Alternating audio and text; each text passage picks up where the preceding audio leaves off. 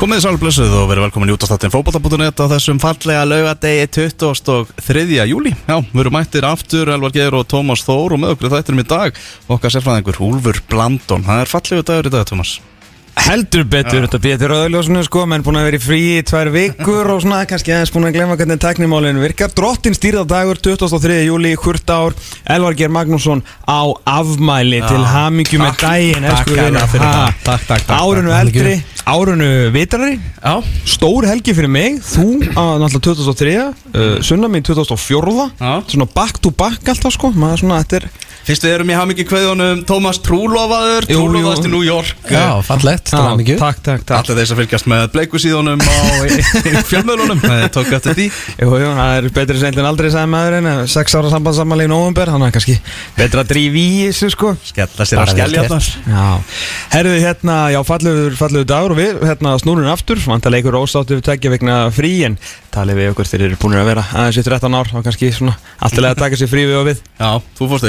vegna frí En talið við okkur þeir eru búin að vera aðeins í 13 ár Og kannski svona, alltilega að taka sér frí við og við Já, þú fórst til Dublin og, og New York. Já, aðeins vera á faraldsvæti og, hérna, og þú fórst til Manchester. Og Rotherham og Crew. Já, og Liverpool líka. Já, já, já. alltaf helstu, þú varst hver, og þú Úlfur? Ég er bara í gólfi Þú varst bara í golfi? Já, og náttúrulega í fyrsta sinni frí í 25 árið eitthvað? Já, ég held að, ég allan ekkert að þjálfa. Nei, hvernig, sko, maður alltaf búin að vera hvað, er þetta ekki 20 allavega? Jú, allan að 20 ár. Ég, Þetta er uh, skrítið. Mm. En á sama tíma bara allt í lagi, sko En maður er er til í að fara að þjálfa áttur tíðan, sko. En það? Já, ég, Hálf sex á hverjum, hverjum degi, er, hugsaðu þá, vá hvað ég fegin að vera hérna á fjórðateig? Eða shit hvað ég verið til í að vera að segja ykkur um góður, hvað hann er lélugur í fótbolta? Eða góður í fótbolta? Já, ég er svona að reyna að vera kannski meira á jákvæða vagninu en en, en hérna, mann langar alltaf til að fara að þjálfa. Já. Nú eru bara aðstæðna þannig að, að hérna, það er ekki tíminni rúm til þess að vera að þjálfa akkurat þessu staðinu núna. Nei, nei, nei, En eftir eitt, tvö ár kannski, þá kemur maður tilbaka. Nákvæmlega, nákvæmlega. Allt opið, þegar við erum að horfa hérna við lögadalinn því líf það er, það er náttúrulega reykjöp í, í fullum gangi. Já, alls konar lið hérna, það er náttúrulega líka í gangi Gothjaköp í Svíþjóð, þess að eina Gunnarsson var að tvita Herri, það, það var magna, tvít Víkingur stjarnan í úrslitum á í Gothjaköp í Svíþjóð.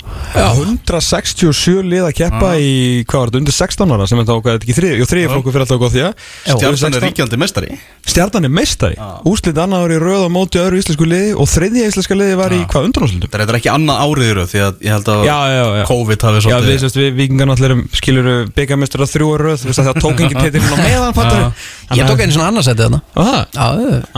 að að það verðlaun. Búin að vera lengi að búin að vera lengi að Lengi að ah. En við ætlum alltaf sérstaklega að vona að krakkarnir hefði sér síðan á, á ballinu Þannig að fóröldarnir verði ekki alveg brjálæðir Skemmtilegt hvað fólk getur verið leiðilegt bara yfir öllu sko.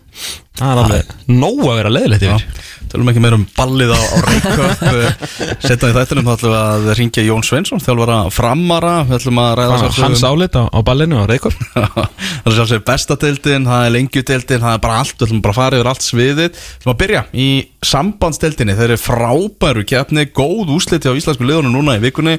Bæði með 2-0 sigra á heimavelli og eru í góður stöðu fyrir setnileikin, breyðablik og, og, og vikingur Og við erum bara komnir eiginlega með þetta uh, fjóruða Evrópusæti aftur Er- er það? Nánast Já, Já, ok. það er heldur mikið að gerast Hvað þarf að gerast til þess að við glúra því? Ég bara hinn liðin sem eru þarna fyrir neðan þurfa að fara að ná í, í stig sko en þau náttúrulega eru mörg, nokkur eru dottin út þau eru náttúrulega eru það neðarlega og, og ólíklegt úr þessu og þau fara að vinna marga fótbolltaleiki þeir sem eru komnir áfram sko Já, það vantar bara staðfest hann, þú veist, þetta er bara eiginlega komið fjö, Já. á, í bestu deildinni á næsta ári verður barist um þrjú Evrópusæti og eitt verður í byggan Já, það er fjúr Já, það eru fjör Það eru gleði tíðandi Já. og náttúrulega þrátt fyrir að káeringar hafi tapað fyrir þessu pólska liði hérna í einvíinu þá gerði þessi sigur þeirra í setnileiknum Mjög svakalega mikið, Já, Já, hann gerði kannski eitthvað smá fyrir káliðið þó ekki kannski mikið með úslitin síðan í síðustu umferð á spilamennskuna en þessi, bara, þessi sigur fyrir íslenska fótbolta var alveg reysa stór og kunnum við káringum bestu þakkir fyrir það. Uh, Mér meina það er að, svolítið, ég veit ekki, vikingar og blikar er svolítið í þægilegri stöðu en alveg sens á sigri öðru hverju megin. Það er ég sé alveg fyrir mér í jafntefli öðru hverju leiknum en svona eru auðvitað að passa upp á álægið og, og hérna mikið undir í deildinni, deildinni líka en við ættum nú að fá eitt sigur í viðbútt þar og þá er þetta nú alveg gerinelt sko. Já, ef við ræðum aðeins þessa leiki sem voru á 15. skvöldið breyðablík með 2-0 sigur hérna á Bútugnost uh, frá uh, Svartfjallalandi og áhugavert þarna var svart uh, fjölmið, þarna frá Svartfjallalandi sem að bara hérna tók liðið og raunaði yfir það. Sagði bara að þeir höfðu verið bara knaspirnunni í Svartfjallalandi reynilega til skammar með framkomu sinni og það ekki í fyrsta sinn uh, voru að tala um það að það eru ungi leikmenn mjög efnilegir sem er að spila með þessu liði.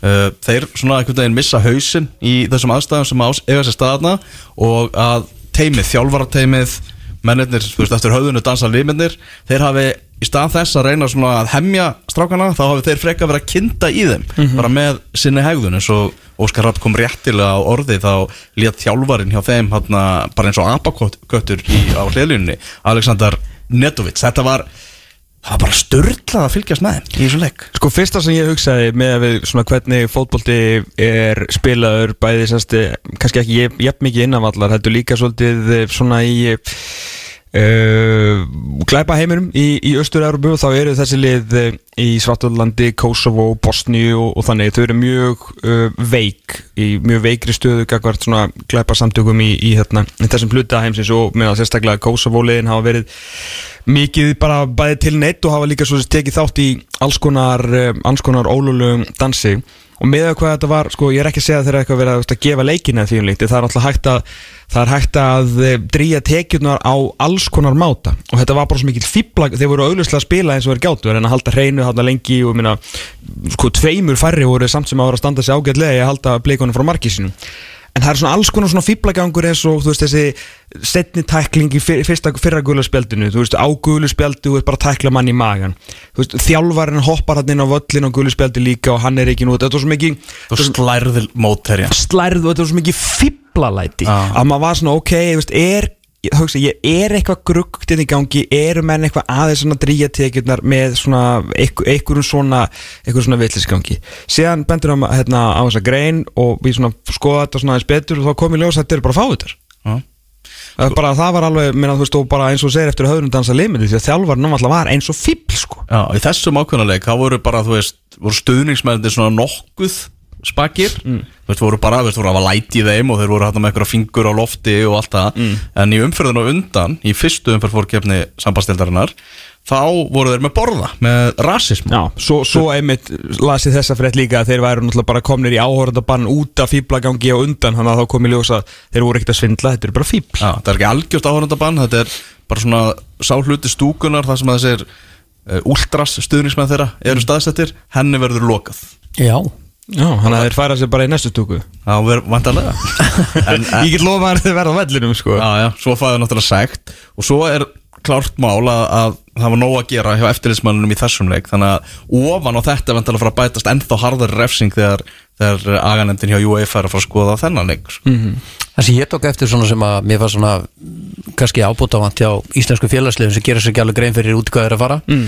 að ég horfði á, horfði á auðvitað leikin, ég horfði á breyðabrisleikin og hérna þegar að hóplætin byrjuðu fyrir eina vellinum að þá voru fjórar gula dreifur og þau voru öll 15 ára og yngri held ég, mögulega 17, 18 eitthvað svona, ég er svona kannski aðeins ekki þetta. En sko ég held að þetta sé svona ákveð sparki rassinn til þess að, að, að hérna svona aðstandendur og þeir sem eru í kringu félögin átti sig á því að það þurfa að vera alvöru gæsla á svæðinu Já.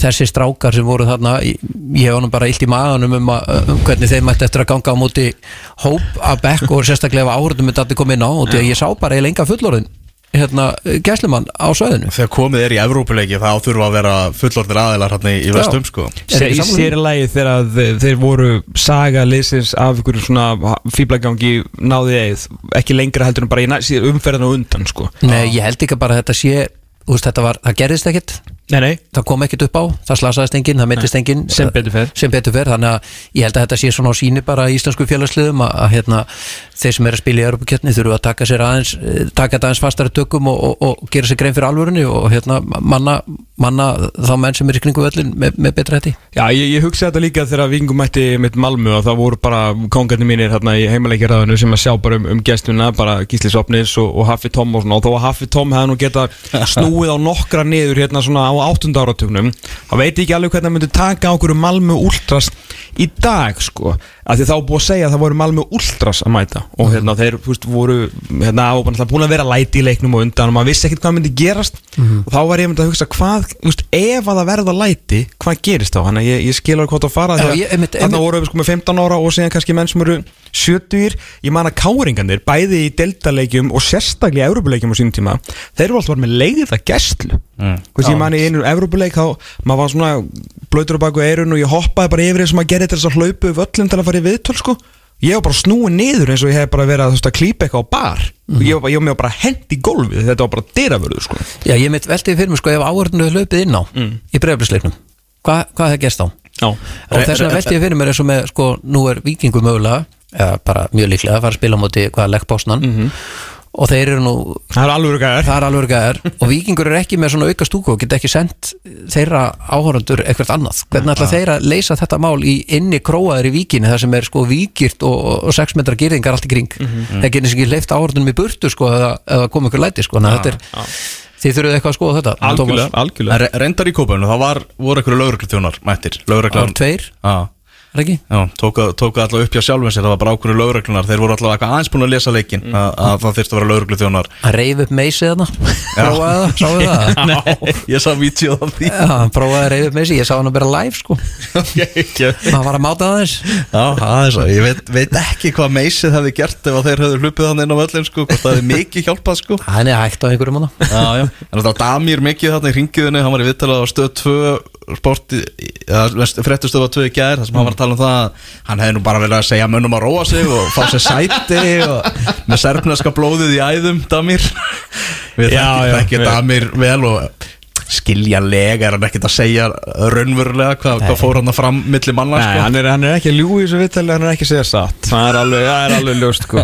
En það er líka leikurinn búið hann er búin nákvæmlega, nákvæmlega. Er en náttúrulega að koma þessi tvö uh, rauðurspjöld á, á leikmenn uh, Putoknost á 54. minútu og 69. minútu Rósa á bara dómara teimið uh, þrátt fyrir einhvern veginn að þeir voru með þessi látalæti og læti og einhvern veginn þá hjælt þessi úkrænski flótamaður sem var hérna með flautuna bara algjörlega sinni línu allan tíman var með þýska aðstofadómara með sér sem að tóku þátt í þessu og bara dæmdu þetta fanta vel já, mjög góð umgæsla mjög svo og þeir náðu á endanum maður óttaðist það einhvern veginn það voru komnar eitthvað 87 mínútur á klukkuna breyðablík ætlaði ekki að fara að nýta sér þetta tækifæri að vera þarna einmitt. 11 á móti 9 en Kristinn Steindorsson sem kom inn á bekknum skorur á 88 mínútu og svo í uppáttu tíma kemur þetta víti sem Hörsköldur Gunnlaugsson skorur úr og það geti reynst algjörlega gulls í gildi það mark ég held að svona ef maður snýsar aðeins að fótboltanu sem að, sem að hérna var í þessu leik það, Mm. það var svona tvö atrið sem að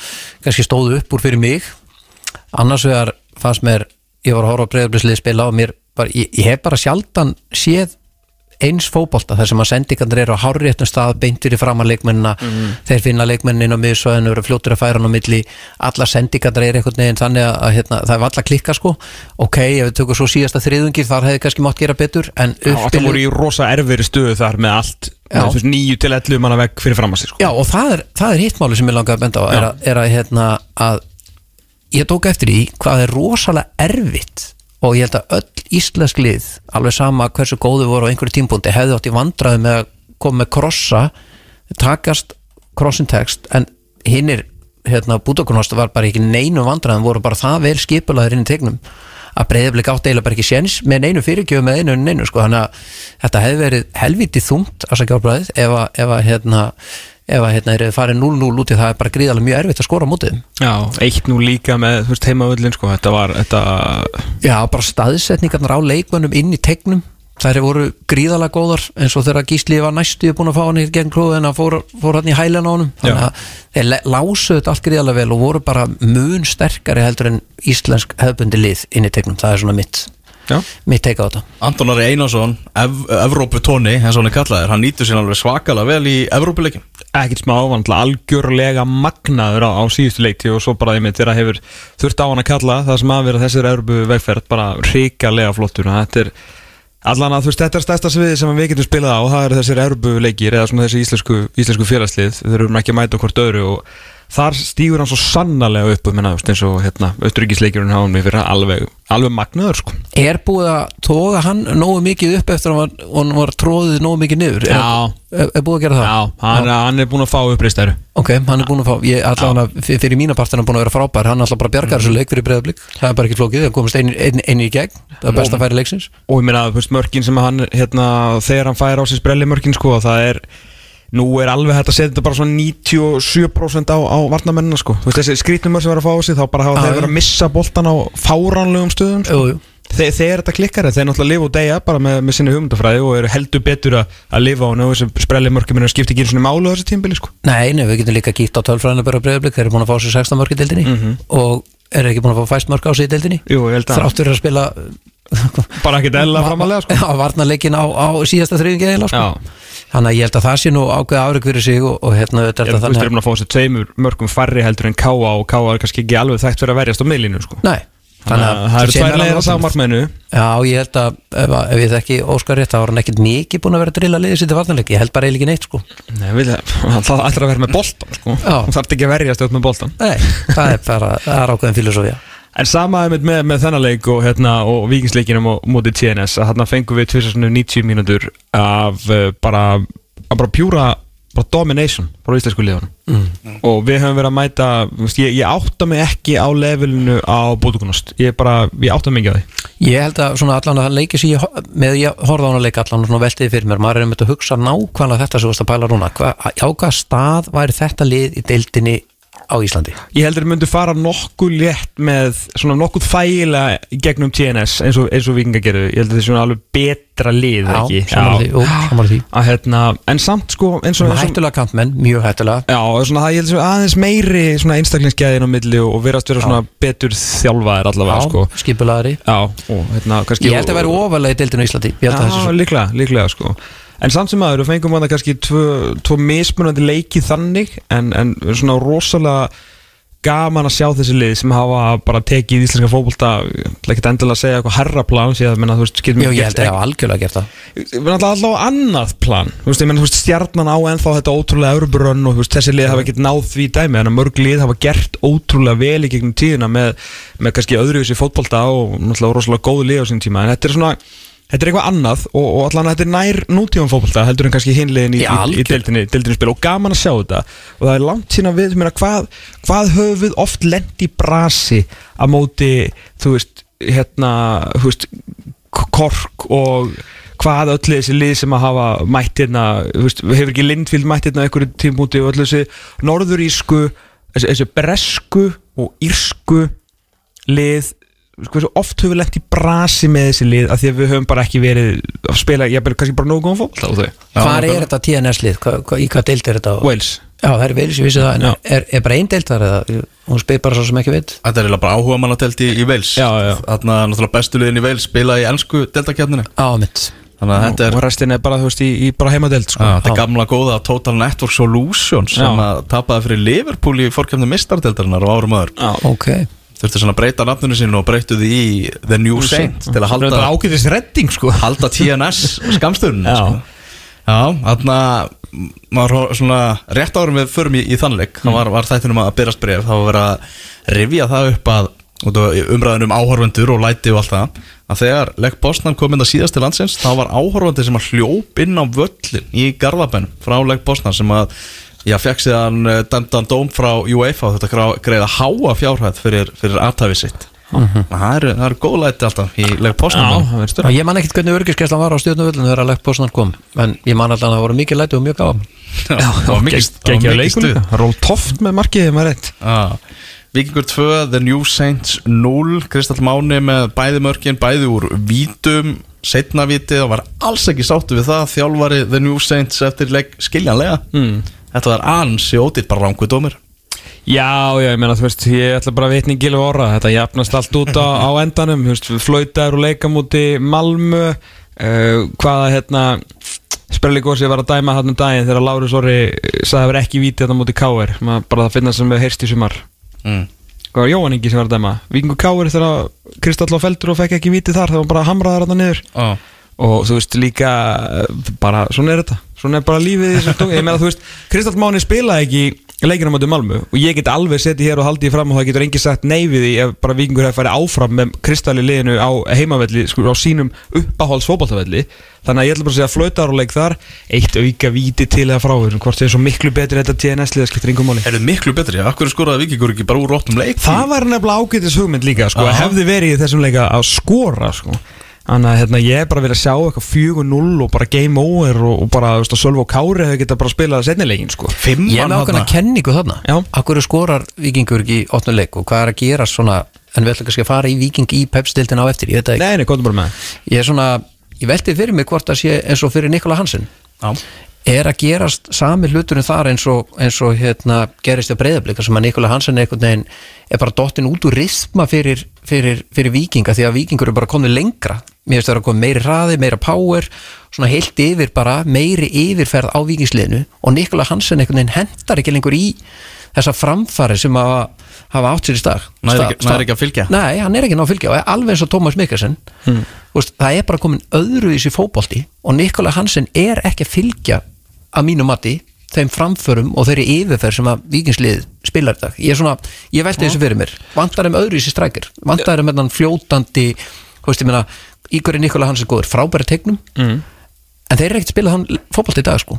Þeir eru að spila hraðan svona einhvern liðupúlbolta skilu þessum boltinu með jörðinni og, og þurfi ekki að krafsi tegnum ég, þú veist, er ekki Nikola Hansen bara frábær fyrir káa Ég held að það sé bara frábær fyrir öll henni til þinn, sko. Að fyrir auðvitað vikið og breyðablík Já, þú veist, ef, ef tökum undir þennan punkt sko, ég meina, hann getur spilað, hann startar í öllum öðrum liðum á, uh, á Íslandi sko, létt, léttilega. Uh, en já, þetta, þú veist, þetta er alveg þetta ágættis punktur til að uh, það hendaði mjög vel í fyrra þegar uh, Arnar alltaf bakkaði með liðið og veist, hérna, Sölvi og, nei, hérna mest kannski Kári og Halli voru, voru að spila og alltaf voru meira veist, loftunum yfir miðlinu og það sem að Níko er alltaf frábær veist, með raskati í markið að, hérna, íta liðinu upp, sko, en eftir að Kristall Máni varð bara átund át besti leikmaðurinn í þessu liði og, Og deildinni. og deildinni, maður kannski á samt Ísak að hérna, þá náttúrulega verður er bolti meira tekið niður og hann samt sem áður skilur þú getur alltaf, þú veist, það er alveg nóg að krossum inn á tegin sem menn hafa alveg verið að missa af sko. Og það sem að ég kannski verið meira með Nikola Hansen að hann er hans verið að klúðra, hann er búin að vera oft svona aðeins skrefi og sett í, í alls konar svona færi þannig að hann er að vera að fá servicið en það málu taka undir það já að það er ekki svona sama magn af einhverjum krossum að koma inn á tegin sem að henda honum jafnvel. Og þegar það hafa verið að koma þá er jafnvel eins og til dæmis uh, margir sem að þegar Ving vann meistaradildina með jústaleiknum mútið Inder að uh, þá hérna náttúrulega Kristall Máni sem að skora það skallamar sko. Mhm. þannig að jú, þú veist, hann bara kannski boltin aðeins meira, meira tekið niður og þá kannski dettur Níko aðeins út úr þessu. En alltaf fínt að hafa hann þarna sem uh, hann alltaf gefur þér alltaf að vita hafa hann í hópnum sko. algjörlega, ég, ég er svona bara veltið fyrir mig þess vegna var ég að velta þessu fyrir mér. Er, þú veist, er vikingslið ekki bara betra á Nikola Hansen en væri til að hafa hann á bekknum, ekki dósu upp á En breyðablík þetta tvöfaldur meistar með hann sko. Já, í fyrra sko, Já, með allt öðru í sér lið. Já, þú veist það er þetta að segja að Víkingslið sé betra ánan sko. Þú veist, Ég bara velti að- yfir mér, sko. Já, ég heldur um að gefa hann aðeins meira respekt en það sko með að þetta er náttúrulega MVP-in frá leikmenninu kuðsan bestan sko. Þú veist, það eru verið, veist, það eru tíu mánuði síðan já, Þannig að hérna En ég- ég en, segja- en þegar liðin kannski, þegar liðin og fótboltinn breytist Mhm. og boltinn er meira, meira á jörðinni skilju en það er samt sem þú ert, þú ert svo mikið slúttari sko já, ég menn Ah. hann er það Þannig að Þetta er ég- góða af Já, já, algjörlega, sko. Ég Þetta er svona svipa sett upp eins og með Thomas Mikkelsen Já, Liðið er að taka fram úr leikmanninu sjálfum. En síðan hugsaðu sko, þú veist, Tómas Mikkelsen er einhver albesti slúttari sem þú séð og við hugsaðum alltaf, ok, ef, að, ef þetta fer að ganga hjá, hjá breyðabliki, bara þegar að Óskar verður komin lengra, eins og hann er nákvæmlega komin í dag, vantalega með lið svona 90% af leiðinni sem hann vil fara, ég ætla að gefa mér það, hann vil bara alltaf hafa 10% við sjóndeldarengin, þú veist, að þú vill aldrei vera komin í 100% þá getur hann bara að fara að finna eitthvað annað að gera, sko, að við vorum alltaf að byrja af hverju, en ef boltinn fer hann á tegin, eins og með, eins og með val, þú veist, ef boltinn komin á tegin, Patrik Pedersen skoraði. Boltinn komin á tegin, Patrik Pedersen skoraði. Akkurat. sami vikingi fyrra en ég, ég, ég bara hef ekki taktiska tekningu til að átta mig á því af hverju Tómas Mikkelsen einhvern veginn datt út úr þessu. Ég held að það tengist miklu meira heldarleiknum hjá breyðabliki Al- heldur en bara þú veist, þá er ég að tala um pressu og öllu því sko. al- ég og sammála. líka þú veist að því að varnarleikurinn byrjar miklu framar hjá blikum heldur en kannski mörgum örunliðum Þetta er góða pælingar. Já, mjög en bara miklu yfirbyrður hjá vikingum á móti TNS og ég er bara svo ánægð með vikingum breyðablík náttúrulega fyrir utan almennt bara að horfa á svona 290 mínútur mm Evrópuleikur í annari umferð þar sem við erum bara miklu betri. Miklu betri. og það er ekkert eitthvað stress og ekki neitt sko. þess að áhugaverður segir að leikmáður með 5 Ryan Astles í vörninni þarna hjá TNS því líka flutningaskipi Já, sem hann var.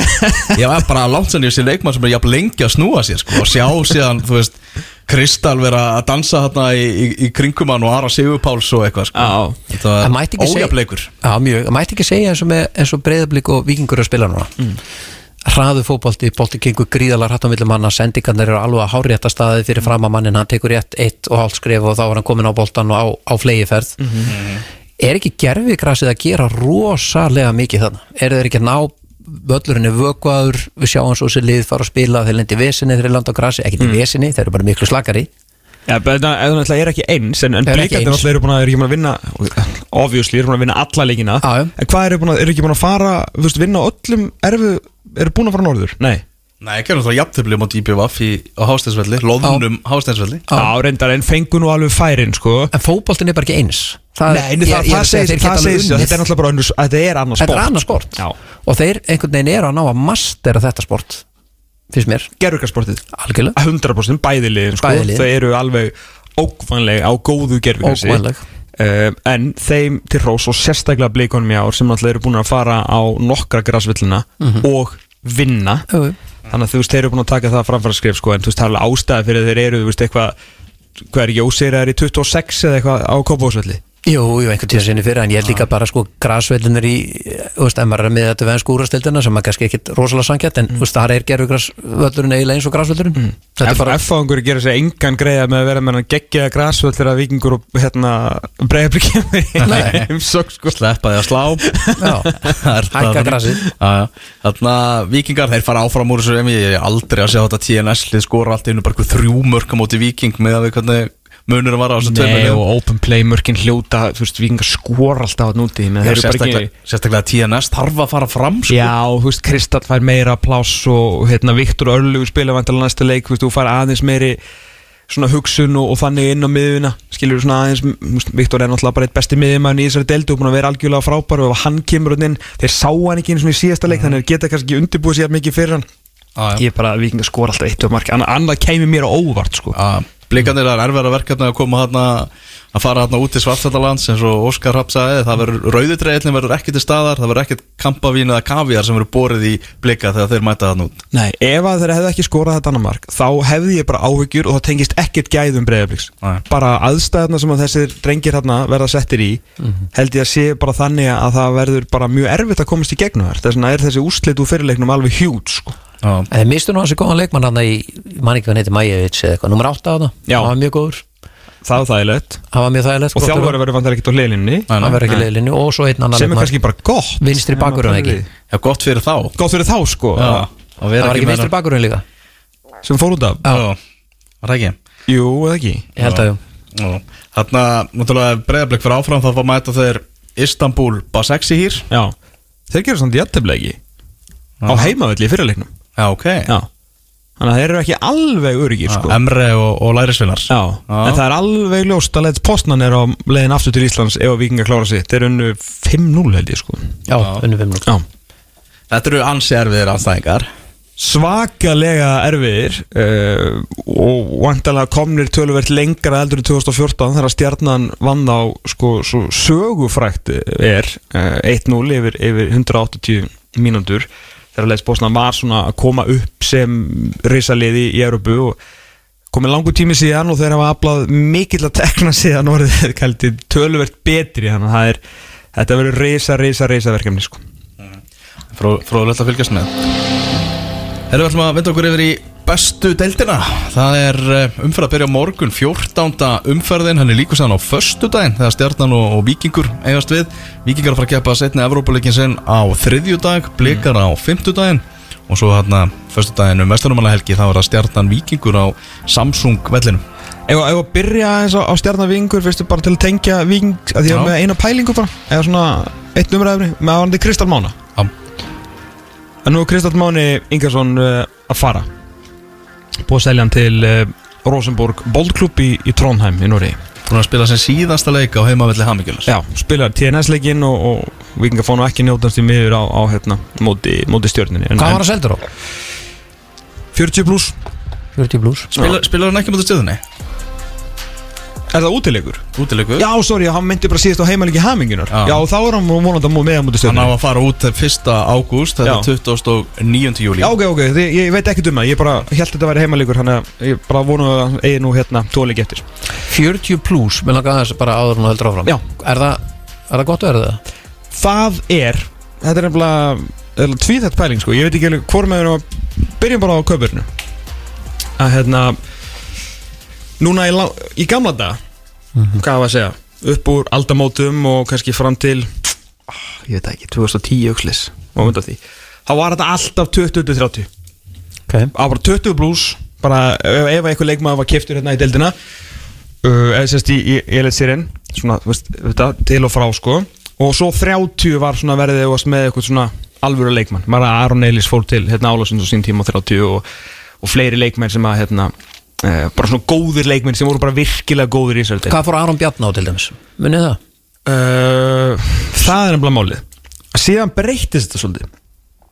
Að í svolítið langan tíma hafa félagur hérna á landinu verið að fá náttúrulega bara einhver hottentott tilbúð frá, frá norsku liðan og mér að Kitty Kernisti tók nú hérna nokkra randana þegar hann kom og kíkti nú á okkur. Hvað bara, þetta væri bara móðgandi tilbúð sem var að koma. 10, undir 10 þetta er allt eitthvað svona. Þetta breytist að því leiti uh, svona var maður að heyra frá mörgum, mörgum félögum og, og hérna, þjálfurum og, og stjórnumönum og svona að pressan var eins og, og er rosa mikil frá leikmönnum að fara út. Og náttúrulega, þú veist kannski umbóðsmönnum og líka bara fóreldrum og bara stóðun í kringu leikmennina. Að þá var oft bara verið og hefur bara mikið verið verið að selja leikmenn fyrir bara eitthvað klink út. En með þá einhverja vonum einhverja endursölu og allir í einhverjum 10-20% 20% þar sko.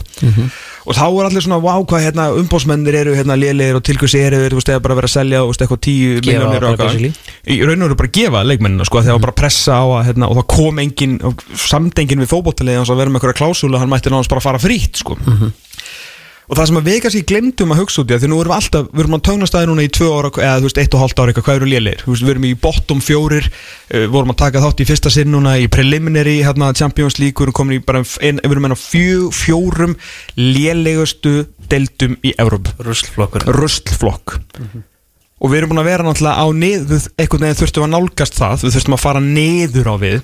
Þannig að þú veist að einhver leiti voru vantilega umbóðsmönnunum hérna sem er kannski ekki, ekki margir og kannski tölum þú veist kannski Akka og Óla Garðas þess að allra allra helstu. Alltaf, veist, þeim var engin greiði gerður að reyna að selja menn úr deild sem var bara þú veist, hérna, á hraðri niðurleið og endaði í, í ruslflokki þannig að hvaða leverage höfðu þeir hvað, minna, þú sagðir hérna, við erum alltaf að selja veist, hver á bestur hérna fyrir nokkur árum veist, ég skiptir ekki máli, minna, hérna, einmitt Áron Bjarnar, hvað allir þessi Það strákar var svona svipað tí- svipið típ og kristall. Já, e- einmitt, Silfur hraður, en, en veist, leikinn. rosalega góðu leikmaður í deild sem er bara titili fyrir val. Já, Náði rosalega góður leikmaður í deild sem er bara, hvað er deildin? Þú veist, hversu góður er hann allt í hennu Við vissum á sínum tíma þegar að þegar hemmi reyðars fer til eða þú veist, tryggvifeiti Noregs eða hemmi reyðars leikmennin þá náttúrulega þá varst, voru að fara í svo stór lið og, þú veist, en sam, smám saman hefur deildin farið niður á við þannig að leikmennin hljóta að vera náttúrulega þú veist, jafn lélegir og deildin er þó þessi best, já, bara besti leikmann í ruslflokki þannig að þú veist, að einhver leiti að einhverju leiti var vantilega ósangjart að hérna vera ráðast á svona kannski sérstaklega umbana fyrir að vera koma mönnum út á lit, litum prísa því að hvernig átt að selja bestagörn í tossabeknum sko. En núna kannski er okkur smá upplið við erum samt alveg mjög neðarlega en okkur smá upplið en þetta er svona fyrsta salan sem ég allan að heyrta af í, í svolítið tíma sem að fer ekki bara yfir 30 heldur yfir 40 sko, sem er náttúrulega heldur, heldur vel gert og, og lengi megi þetta halda áfram sko. Það muni Aron Bjarnar, muni hvað hann fór á Hvað er þrjú ár síðan? Nei, ég man það ekki Ég man ekki svona hvort ég fekk að vita og svona hvort ég heyrði það sko. en, hérna, en, veist, og, og svo sko er held ég bónusar í þessu heyrði ég einhver staðar á vellirum um daginn og endursölu prósenda Já. þannig að þetta er alveg svona veist, lúk- lúksustíl sko, veist, og, og hérna endur alltaf að vera að semja við alvöru fokkin klúb sko, mm menn, hérna menn sem að, sem að kunna þetta. En eins og með Kristall að því að hérna, svo tengist það líka kannski svona, þetta verður svona hringegi af, af umræði hjá okkur eins og með hérna KR og, og þessi lið sem að sko, að því við erum alltaf að tala um vikingur og breyðablík sem komin kannski á ákveðin annan stað en svo vikingar alltaf er alltaf augljóslega með eitthvað projekt í gangi. Það er að fá þess að svona eina gæðis að lappa brotnu leikmenn heim uh, á bara þú veist uh, sem kosti ekki mikið. Að því að við tökum Kristall Mána sem að kemur 2020 sko hann kemur frýtt hann er á mjög lágum launum í tvö ár. Þú veist, af því að þú veist, það var engin ástæði til að borga dreng, veist, hann er, náttúrulega- hann er ekki eins og að vera að koma sem eitthvað broti leikmaður aðalis FCK, þú veist, hann er bara að koma úr úlingaliðinu hann fær bara, hann er okkur um bara einhverjum fermingaskóla hérna díl í tvö ár, náttúrulega, þú veist, fær náttúrulega eðlilega hækkun eftir að vera, þú veist, besti ungi leikmaður í deildina á síðustu leiktið, er leikilmaður í að, hérna, er hann í tvö ár, eða tvö og hálft ár hann er með liði núna á góðum stað í, deild og byggar og Evrópu, hann er Íslands og byggarmestari uh, vissulega búið honum ágætlega núna frá því, þú veist, að lók síðust tímbil samt búin að vera ágættum díl eftir hann kom fritt og enda svo á svona sölu. Þú veist, þetta er svona nákvæmlega þetta er hápunktur þess sem að vikingar reyna að gera Það bara talandi um project sem er að virka. Allir Barka líka, ennþá læri dílætur en Kristaldur á, hann fyrir síðan, þú veist, Sönnuríski og síðan, eru fleiri dæmi hérna eins og, eins og Júli Mag Málið er að, Júli Mag, að því að, mástu við hérna mér finnst þetta Júli Mag dæmi hafa hefnast alveg fullkomlega. Hann er einn albesti miðjumæðin í þessari deild. Algjörlega. en ég bara veit ekki hvort hann færi út aftur. Mástu, mástu við alveg það sem ég var að hérna, spurja um daginn, árunum fórum við frí? Hérna, af hverju Viktor Ölfur Andrason fer í út. Já. og, hérna, og ég hendis út í kosmosið. Uh, af, af hverju fær hann ekki tækifæri? Af því hann er frábær leikmaður skilur og er 2001 mótilja þannig að hérna, og ég hendis út skilur og ég vildi fá eitthvað. Og ég fekk svar frá mjög hérna virtumanni í knarspinna heiminum sem þekkir allt til leikmanna og hérna, ég ætla ekki að, þú veist, þetta er nú tveggja manna tali, ég ætla ekki, ekki að nefna hann, þið verða að treysta mig fyrir því, ég skal sína ykkur ötti hverju þetta er. Það sem ég fæ útskýringuna á þessu, af hverju Viktor Öllur er ekki allan að komast út þessu staðinni núna. Og ég held að þetta sé kannski svipa með Júlamag 2000 módel, Viktor Öllur. 2000 mótil fyrir ekki Logi, er ekki ég? Já, Logi 2000, já. Allavega, of margi leikmenn sem líta út fyrir að hafa það sama þetta er þess fyrsta hérna, ástæðan og hann hérna hefur elendis uh, þetta lítur bara þannig út því að erfiðast, erfiðast að öllu er að skáta game ID eða game IQ þú veist það er erfitt að vita hversu klárir menn eru í raun og veru uh, vantar eitthvað svona standout eins og skot eða sendingar, knattrak eða duels og spilar, jú, kemur inn á það sem að Úlfur var að mynda að benda á áðan 60% leikina sína af gerfigrassi. Menn verða að vera algjörlega outstanding svona 17 til 19 ára og hann er að renna út af resell markanum. Er ekki Júlimag 99 með þess að hann er aðeins eldri heldur en, heldur en Viktor sko. 98 eða 98, 98 einmitt. Uh, hérna, og hérna segir Jason Daði uh, er að klíma að vera fættur hérna á gamlanstagi 1999 hann er líka að renna út á reselli pluss gerfigrassið og þetta. Uh, Hann er reynda svona aðeins öðru sátti, hann er svona smá litblúmer líka.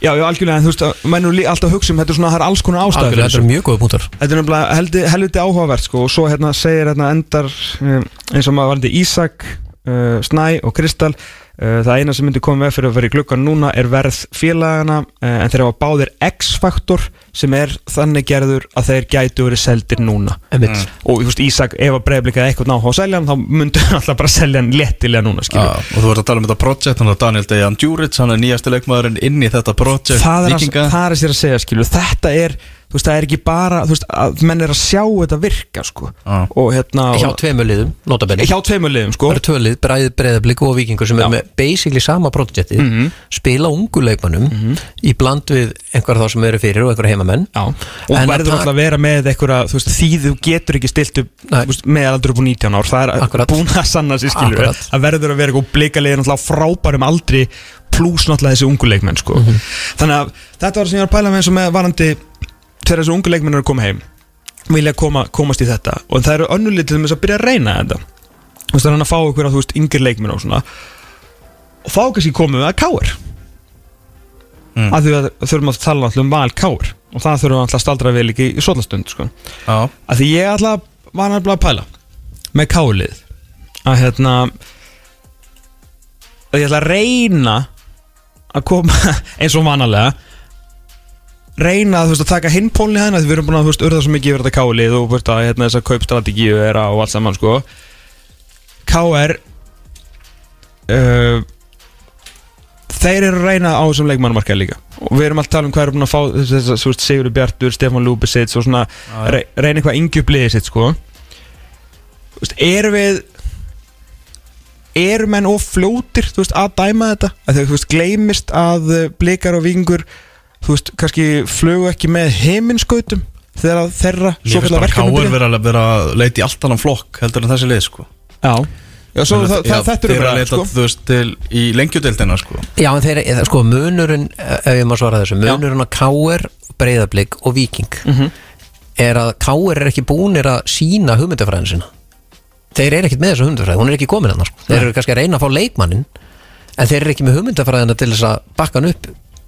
fyrir, ne fyrir nettpenning sko. Þann- þannig að Víkingur og Breiðablík eru búin að sína það. Við spilum ungu leikmannum við tökum leikmenn sem eru hérna, virkilega góður á Íslandi eða tökum leikmann utan aftur heim og ætlum að gera það ennþá betri. Mm -hmm. K.R. er bara búin að sína það í gegnum árinu þeir spilaði ekkert ungu leikmannum og leikmannur sem hafa tekið inn til Íslands til þess að spila vel spilaði frábæli fyrir að hefur ekki getað neitt þannig sér núna, Finnur Tómas. Þannig að þeir eru ekki búin að sína sína hugmyndafæri og, og, og svona breyta sinni nálgun á á fótboltalegu hliðina þeir eru ennþá að spila bara sama fótboltan og reyna það sama og hérna Og er þetta hugmyndafræði eða voru bara að reyna að fá einhverja, þú veist, unga leikmann? ég held að það sé svoleiðis Já. ég held að þetta sé nákvæmlega þannig og sko, breyðabliku vingur er konum með hugmyndafræði Mm. þeir eru búin að nálgast fótbolta með öll öfur með hætti heldur en Káur að spila fótbolta þeir eru að spila, spila hraðan pressufótbolta meðan að Káur likur frekar tilbaka og með þungara sendara þetta er ekki saman le- ungi leikmenn sem eru að koma til landsins eru miklu spenntari fyrir því að ok, ég er að fara að halda bolta, vera með boltan Káur er, er langt besti þeir eru ekki með boltan 40% hérna, halda boltin lis og þá eru þeir bestir. Þannig að þetta er, ekki, þetta er ekki alveg jafn spennandi að koma í káir sem hefur sögun á því að spila ekki ungarleikmunum eða koma til Víkings og Breiðablík sem eru að reyna nummer eitt að alveg unga leikmenn innanfélagsins. Nummer tvö að sækja þá nógu góða unga leikmenn sem eru betri þeir sem eru fyrir og koma með lið og gera það ennþá betri. Káir þar fyrst að svona aðeins að rístruktúrera félagið og sína ok, nú ætlum við að fara þessa vegferð. Þeir eru ekki konið þangað. Nei, einmitt, þetta, þetta er svona vandamáli sem er svona því ég, átta mikið alveg á núna hversu lengi K.R. verður að koma sér upp úr þessari hólu og ekki hólu að því að gleymið ekki, þú veist, það eru bara tvölið akkurat núna sem eru að gera þessa aðra hluti. Veist, liðin sem voru í fyrsta ára sett og síðustu leitið og eru í fyrsta ára seti núna. Mikið eftir mótinu, veist, bla bla bla getur allt skeið. En þetta eru svona tvö bestu liðin á landinu í dag. Þegar að, skilur þegar að þessi lið, pluss Káur náttúrulega sem að gera vel með þessum sér á pólska liðinu er búið að ná í Evrópusættu okkar aftur að þá er náttúrulega, þú veist, jújú, jú, ef það er keppað Íslandsmeistaratitlinum, það verður fjandi erfitt á meðan að Óskar Rapp drölla sér ekki út, sko. Maður sér eiginlega ekki alveg fyrir endan á þessu og jafnvel Arna Kullinsson líka, sko, ef þetta heldur áfram þar verður þetta erfitt án Kristall sem vorum að djúri sker eitthvað. En þú veist, en þá verður alltaf, þú veist, þetta Evrópusæti í bóði sama hvernig fótbolta og sama hvernig hugmyndafræði að það eru fullt að liðum búin að vinna Íslandsmeistaratillin bara með gera, spila nokkuð segjum innan gæðslega bara basic fótbolta sko. Bara með góðan leikmönum og, og allt það sko en eins og, eins og með Finn Thomas nú eru til dæmis vikingarnir að reyna að fá hann fyrir tímbilið og uh, það hérna fjall nú ekki, fjall í grítan jarveg í Vesturbænum að hann var að hugsa sér að fara ekki heim og það var bara, þú veist, þú kemur bara heim vinnur skilur og síðan náttúrulega hefur hann verið afskaplega slakur og síðan náttúrulega mettist hann. Og ég er ekki að fara að kenna Rúnari Kristinsinni eða Káur eða eitthvað um að Finnur Tómas hafi verið svona lillur þú veist, vantalega, þú veist, leikmæð þurfandi á einhvern tímbúti líka lítið eina við. Er allir hann hugsi og þegar hann er að tala að vinni svona bara, hérna ef ég hef nú farið í víkina, þú veist það hefur eiginlega enginn spilað illa þar. Það hefur eiginlega enginn, enginn spilað illa í breyðabliki hvernig verður þessi umræða síðan á meðal þessu ungu leikmanna sem er að Heldur að Finnur Tómas tali mikið um fótbolta Svo er það, veist, svolítið nullaður út alla þessa ræðu með þessu eina kommenti sko. en hann átti samt að vera meira dæmi fyrir veist, alla hina skilur sem að kannski kjósa eitthvað annað. Já. En sko bara ein, ein pælingi viðbútt Hvernig velja lið leikmenn? Uh, Þú getur ekki valið leikmenn bara út af getur, það er bara ekki hægt Þú ert að búti lið. Hann þarf að passa inn í hugmyndafræði félagsins. Hann þarf að passa inn í fótballstastíli sem lið er að spila.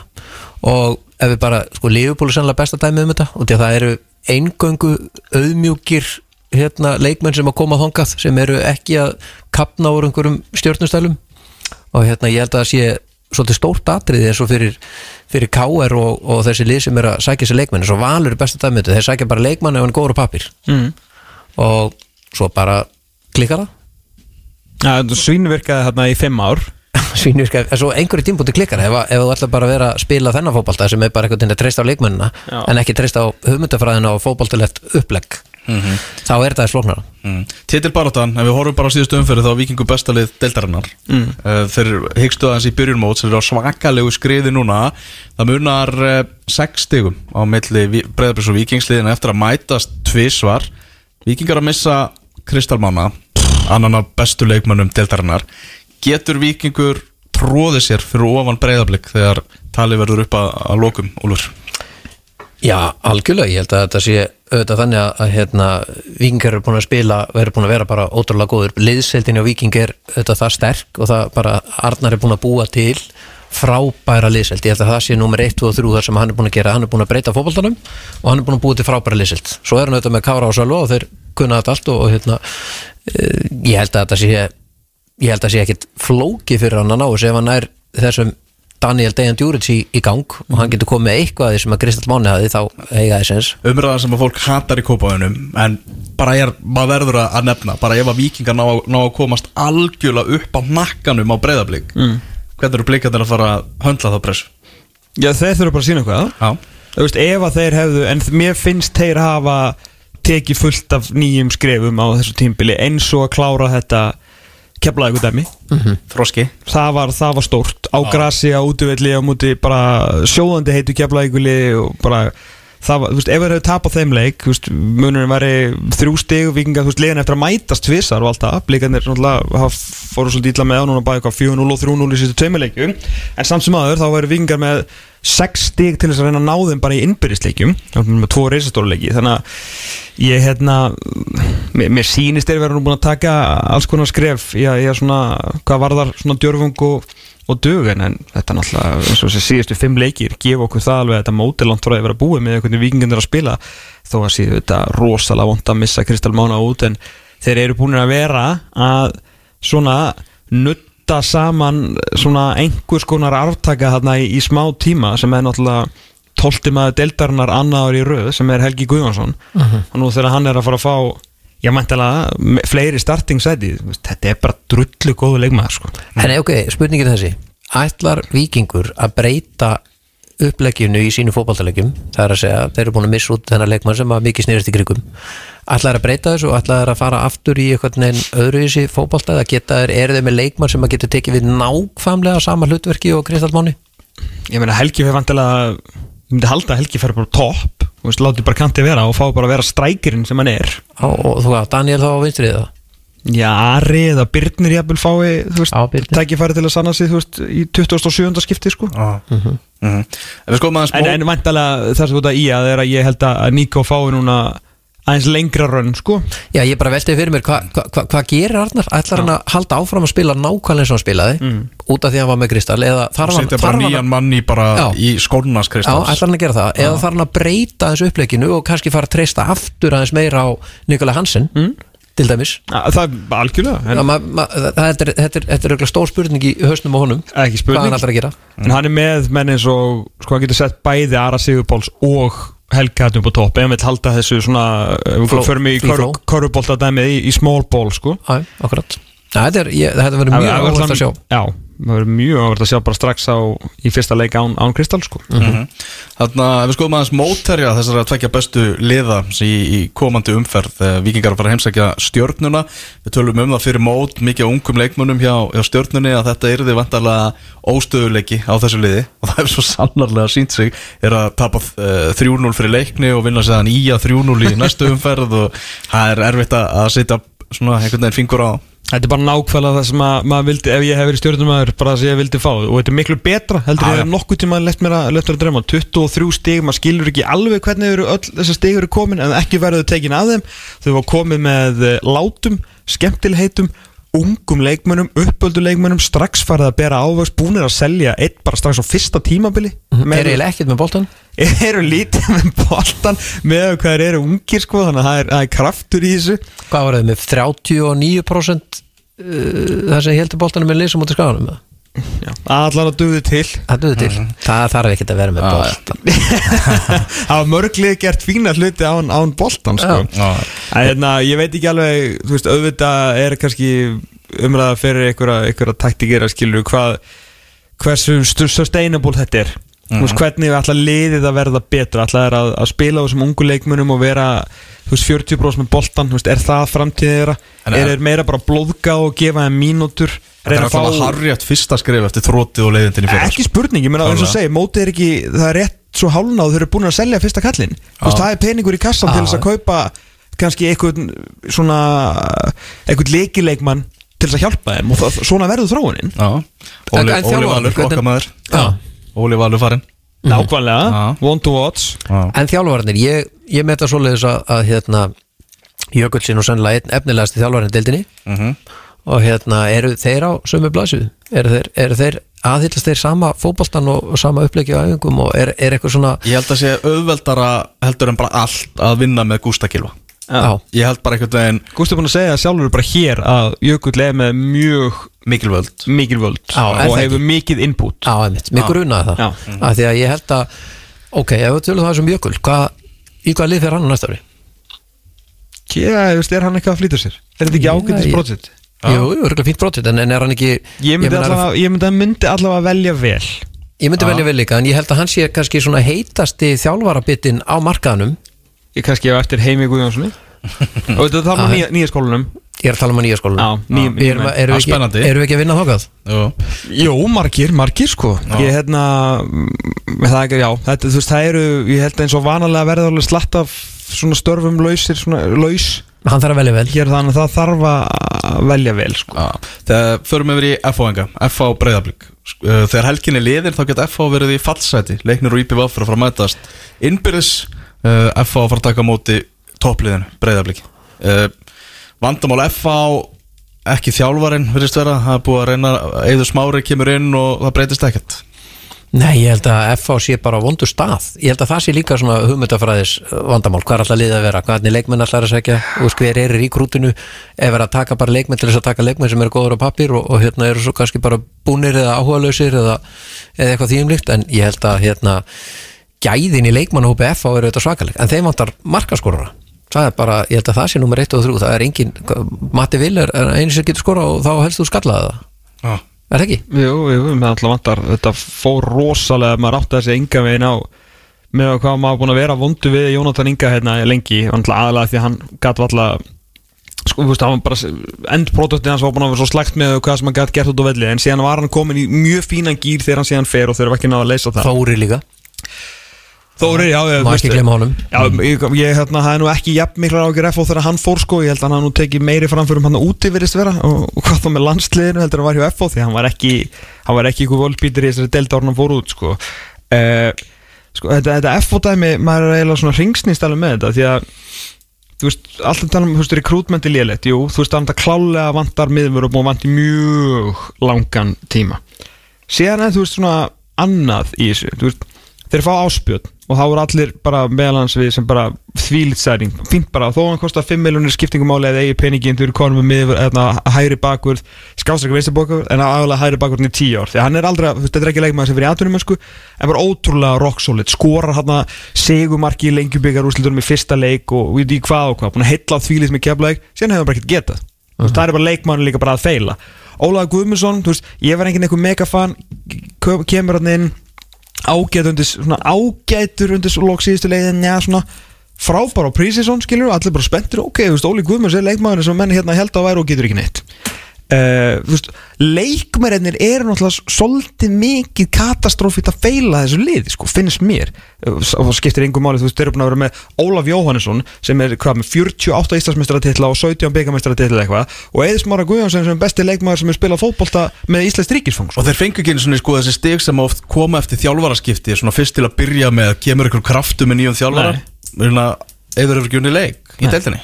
Skilur við þannig að Það það hefur er þetta eitthvað með fótball til að geta, er þetta ekki bara andlegt vandamál, menn eru bara kljást við lítið sjálfströst og, og hérna, sjálfsög það sagði ekki eður það í einu einhverju vitalinu eftir um daginn að bara, hann er bara að horfa á bara broti lið sko. á, þetta er bara að hóra brotna einstakleika.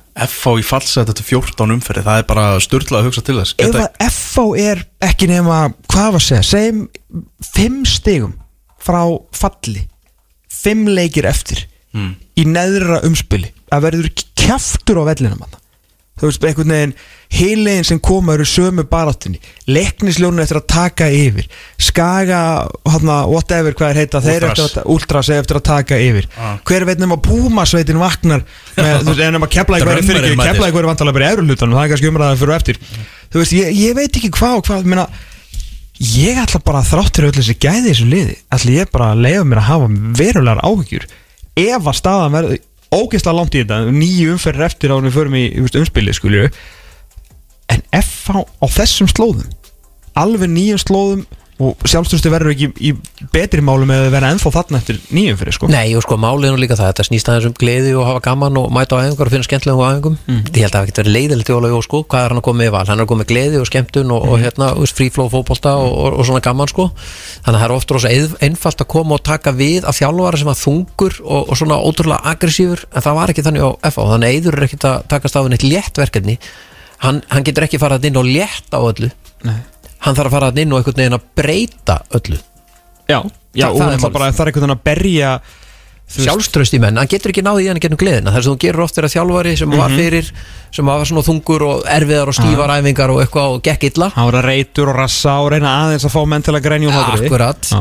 það er ekkert að leysa það þannig Ólega skemmtilegu maður. Já. Og Bjössi ekki mikill hérna, skeið- hérna síðri. Þannig að það var gaman. Þannig að þetta er, þetta er, ég held að þetta sé akkurat eins og þú sagðir, þetta, er, þetta er gríðarlega ég myndi hafa miklar ágjörða þessu. Út í að verkefni er það erfitt. Að þú getur ekki komið þarna inn bara með gleðina. Þú þarft að koma þarna inn einhvern veginn með trú og, og svona einhvern veginn áræðanleika á það að, að, að það sé hægt að ná árangri. Og þeir allar ekkert að fá sem miðförðu það Það er góð spurning. Það er glukkin er opinn sko. Hvað eru liðnum margir mánuður þar sem þetta hefur verið bara aðal umræðum punkturinn Nei, síðan, síðan var þetta ekki að virka. Nei, Þú veist, menn þeir fórun í móti þegar þeir eru lengjubíkamestarar og menn voru að spáðin kannski 3-4 sætið eitthvað. Og maður var alltaf að segja Gummi og Finnur er ekki miðvara par sko. Gummi og Finnur er ekki með og bara að hvað verður þessi útverfum við veit ekki neitt. Fair enough, við vitum ekki neitt sko. Það var enginn að beða ykkur um að hlusta. Það er fínt að vera með miðjum þessi miðverði Já, það sést. Heldur betur. Herru, svo opna glukkin þegar þetta augljóslega virkar ekki.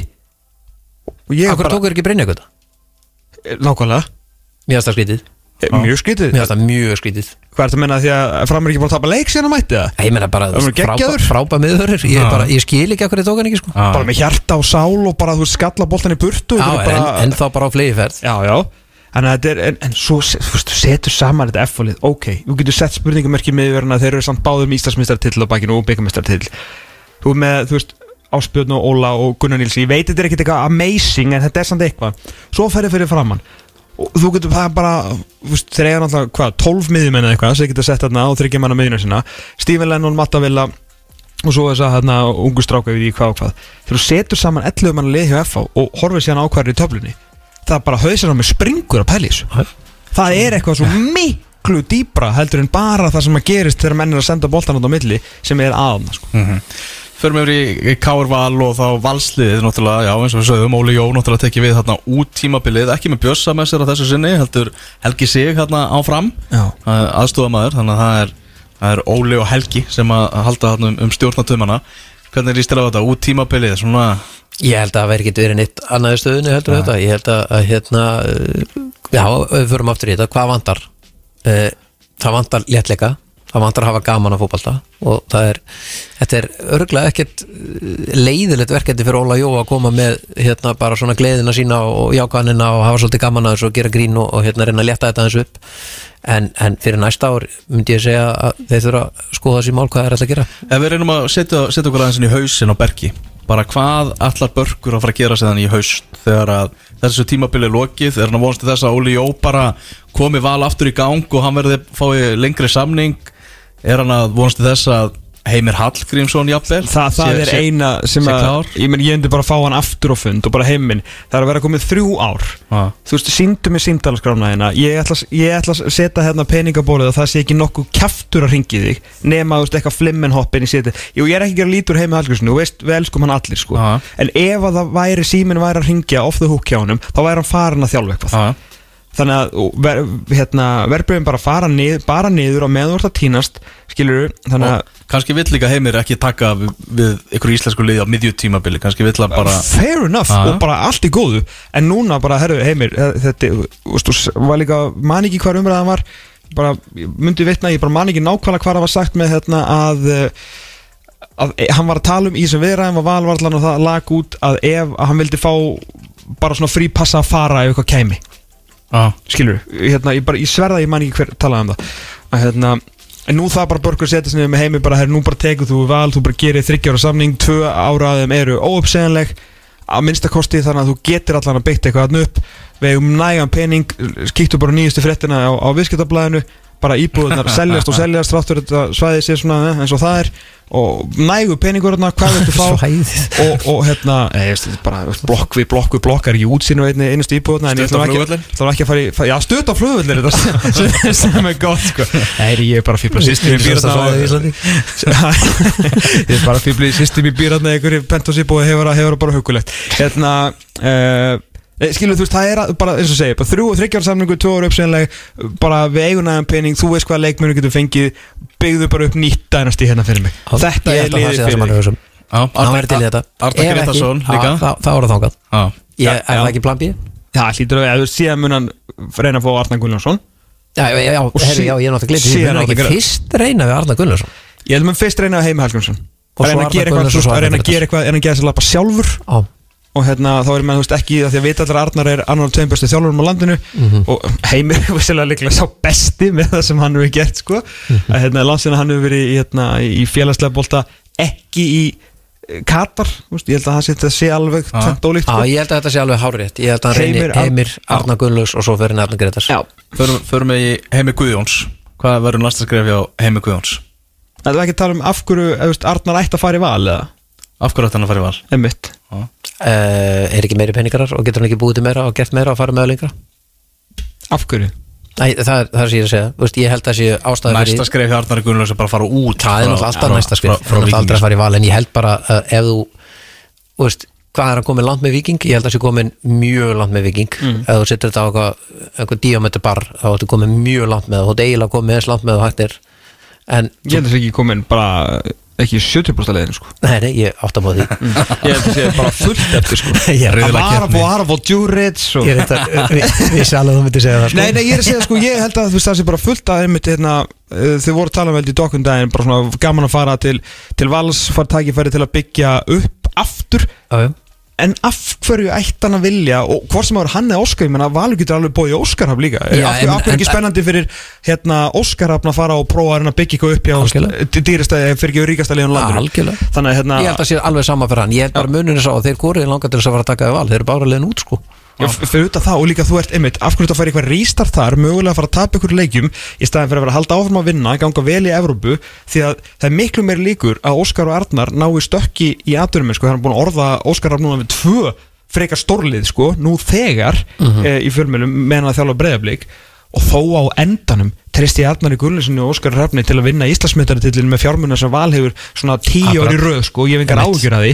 En það er svo mikið rístart held ég á ferlinu þeirra Já, ég menna algjörlega og ekki ég, ekki rístart þetta er svona aftur einhvern veginn að fara að sópa jú. kenna mönnunum fótbolta sinn Já. þú veist, og Það- það, það er það tók, svoleiðis. meina, Arnar Gunnarsson vann sex fótboltar eða sjö fótboltarleiki eitthvað yfir tvö tímabil en hann var svo Íslandsmeistar þú ert kannski samt til í það að þú fær sko vel greitt fyrir það og getur farið að ná þér í leikmennu sem langar í, sem er á Íslandi Þannig að ef þeir væru hvoruður að sjá fram á að þeir eru farið í aðdurum mennsku Sammála því, þá held ég þetta væri Einmitt. annar mál ég er sammála því uh, Ringekjan, Arna Gretarsson tekur við Val Heimi Guðjónsson tekur við Káa Myndur við missa hukun í gólfið að þetta myndi gerast Túlus? Nei, Nei. Káa búið dreymum hefur ekki maður reynan tvisvar eða eitthvað? Þeir eru leikmaður Káa, spilaði þetta hvað 1990 eða eitthvað? Skrifaði skín. Kom alltaf ári eftir að liðinu eru mestarar Ég held líka eins og fyrir norðan er ekki bara, veist, er ekki smá svona, að maður er allan að skinja það svona smá tókstreita á milli stjórnarinn og Arnar sem hann hætti þarna eða var hættur eða hálfa hættur eða ekki hættur og, og allt þetta sko, þetta er búið að vera svona ég þessi smá þungupakki þarna hjá það sko.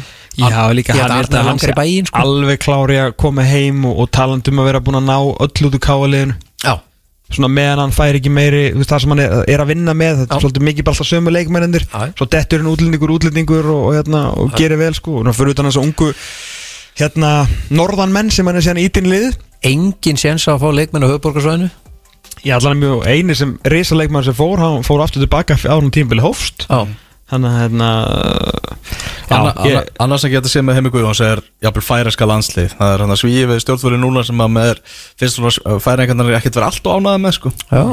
En talandi ef þú hefur búið í Þórsöfn þá getur þú búið að Akureyri. Já, það er nákvæmlega það er alveg peningar í gáa ég held að hann sé Já. geti gert, hann þarf bara að fara að rík rúta einhverja útlendinga. Já. hann getur svo, er Adrian Justiniusson ennþá í hábí eða? Já, já, Ætlar ekki að fara að taka hann eða? og honum líður bara vel þar. Já, reyndar. Heima kæðist rákur Heima kæstrákur, það er En þannig hvað hva fannst þér um hennar brottræstur? Mér fannst hérna uh, Já, hann var sko, hann hætti í frettilgjöningunni en svo hann já. sjálfur hann hefur reygin Já, mér finnst þetta breðilegt Já. Mér finnst þetta að vera búið að vera þungt bara í tvö ár og mér finnst bara að vera búið að koma Hvernig ferðu úr því að pakka saman deildinni í því að vera bara miðlungslið næstu tvö orðin Ég get sagt þér nákvæmlega mína höfum þetta því. Til þess er ertu þetta Já, þú Út af missir síðasta Aron tímabili. Bjarnason. Já, og þú ríkrútar leikmenn sem að kunni ekki að hlaupa bakvið það, það er svo einfalt. Bara mjög einfalt, Aron Bjarnason var mjög góður í að hlaupa bakvið Mm. og þeir gáttu leittir að spila allt öðru sér fótbalt þetta núna, svo tekur hann Tryggva og Guðmund Andra og Aron Jó. Hvað vilja þeir gera? Þeir vilja fá hann fætur. Mm. alltaf ekkert aftur fyrir neitt ekkert eitthvað að hlaupa aftur fyrir línur eitthvað að kjáta, ég vil bara fá hann í lappir og gera eitthvað með hann. Aron Bjarnason er einu sem hann vildi gera var að hlaupa aftur fyrir. Mm. og að fá hann í svæði fyrir fram að sig og ráðast á menn. Þannig að ég held að fótbolti sem að heimir spilaði með Aronni Bjarna og fótbolti sem að heimir getur spilað núna með liður sem hann er með er allt annar fótbolti. Mm.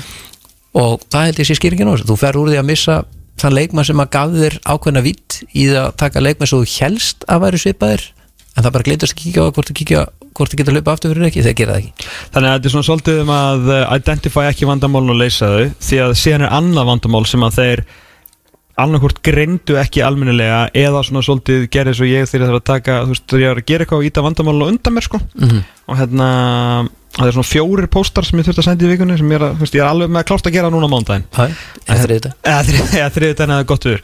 Að hérna þeir hengu á lengi á voninni um högbál Já, ég held bara einhvern veginn að þetta sé bara mér finnst þetta kristallist þessu, mér finnst hérna Aron Bjarna var Já þegar þú ert tilbaka ef Aron Bjarnar var skiluru hérna katalistinn fram á við Já. þá var hauguð það tilbaka. Á, og þeir voru að vona einhvern veginn með Birki Heimisson að síðan fekk hann ekki tækifæri og þá var einhvern veginn Arnóns Márasson í staðin fyrir bara að nýta peningin sinn mm og auðvitað er fínt að leita inn á við og allt það skilur en, en hérna samt sem áður að mér fannst þetta bara svolítið illa greint vandamáljöðum að, fatt ekki að Haukur Páll ætti ekki annað ofur tímbil í sér eins og hann var á síðustu leitið það er þar síðast tímbil þar sem hann var síðast góður sko. Hann ætla bara að vera einn al, al, al besti leikmanni sem deildi langan tíma. En þá bara vantaði, vantaði að greina þetta og fá bara eitthvað alvöru, alvöru bara Holmar Örn Eyjálsson kaliber af akkeri Já, ég held að þetta sé, ég held að þetta sé mjög góð punktur. Ég held að þetta sé tvíþætt sko. Valsmenn eru, hvar eru valsmenn í mestu vandræðum? Þeir eru vandræðum með sóknarleikisin Þeir eru samt með sennilega flottusta sóknarlið á landinu. En það vil allir fá hann í fætur Það leipar enginn aftur fyrir, það kemur aldrei neitt ógn. Mm. uh, Aron Bjarnason ógnaði alltaf á bakvið, alltaf. Og það eina sem þeir þurft að gera Er að þegar Aron Bjarnason fer Er að fara, hvar getum við fengið Í hvaða úrvasteild er leikmaður sem leipur aftur fyrir Og með, veist, allavega einhver smá leikskilning af fótbalta þeir hefði getað breytt ansið miklu með því. Haukur Páll, hérna, mikilvægur en ég held að sé mikilvægur að lið spili sama fótbolta og spila og þeir hafa aldrei náð sama takti með hlaupum aftur fyrir eins og þeir gerðu þá. Það er svakalega mikilvægur leikur klukkan 2 á morgun í breiðoltinu leiknir IBVF fallbaráttu slagur sem leikir í jafntöfli í vestmannu fyrra á tímabilinu. Leiknismæðan unnu tvo leiki röð og fengur séðan svakalega skella móti Káa í síðustu umferð á meðan IBVF vann sinn fyrsta sigur og það var dramatískan hátt á móti valsmunum þetta er algjör nýjustiða leikur sem verður í breiðoltinu á morgun. Algjörlega, ég held að hérna, bæði lið einhvern veginn sko IBF kemur kannski aðeins með smá, með smá sjálf, meira sjálfstöðstinni leikin eftir, eftir svona skellin sem að leiknismenn fengu en ég held að leiknis einhvern veginn uh, leikmennir er einhvern veginn þannig að þeir uh, kunna tappa og þeir kunna vinna og, og hérna Er þetta ekki bara ekta svona leikur bara að sópa strax undir teppið? Jú. Við vorum að koma úr tveimur sigurleikjum. Akkurat þannig. Ah, bara og spila mútið Káa sem er þriðasætt dildinni ok, við vorum bara lélegir þarna áfram gakk ah. að meðan að IBF kemur örgulega svolítið svona með aðeins má meira uh, já þeir eru kannski búin að finna sig að en svo komið sjálfstöld inn í þetta. Ég held að þetta snúi svolítið mikið um að hver skora fyrsta markið. Ég er þar, Leiknir BF já, Já ég held að þetta snúist mikið um það. Hver skora fyrsta markið, þá er allt einfaldra Ah, Ég, ég ætla að fara yfir þetta með Andarúnur og Halldóri Páli núna í fyrradag. Vildi hann til að ég átti teig á hérna, vestmennavelli með þeim tömur ekki, ég, ég var bara að fara að hitta á en síðan væntalega að því að ég var skráður og þá mættu þér ekki. Og hérna var svona leðilegt að hitta ekki Andarúnur hérna, undir öðrum kringustæðum en það algjör topp djúfisins maður sko. En það var rigning og þeir hafa bara ákveðið að vera heima Já. hann og Halldór Páll. Og þeir náttúrulega báðir ónótaðir varamenn í þessu sigur á móti val. Já, mm. það er Þannig að það vil ekki mikið láta Þegar var vantilega að sé það að þú varst þarna. Ég held að þetta væri bara svo gott tækifæri fyrir þá að þeir eru sko með 9 og 11 fórgjöf að koma veist, og gera grína mér skilur Já, Þú veist, Ég ætlaði bara svona, þegar ég var að toppa boltan og getið hefur eitthvað Þeir eru sérst atvinnum í fótbolta? Í golfi?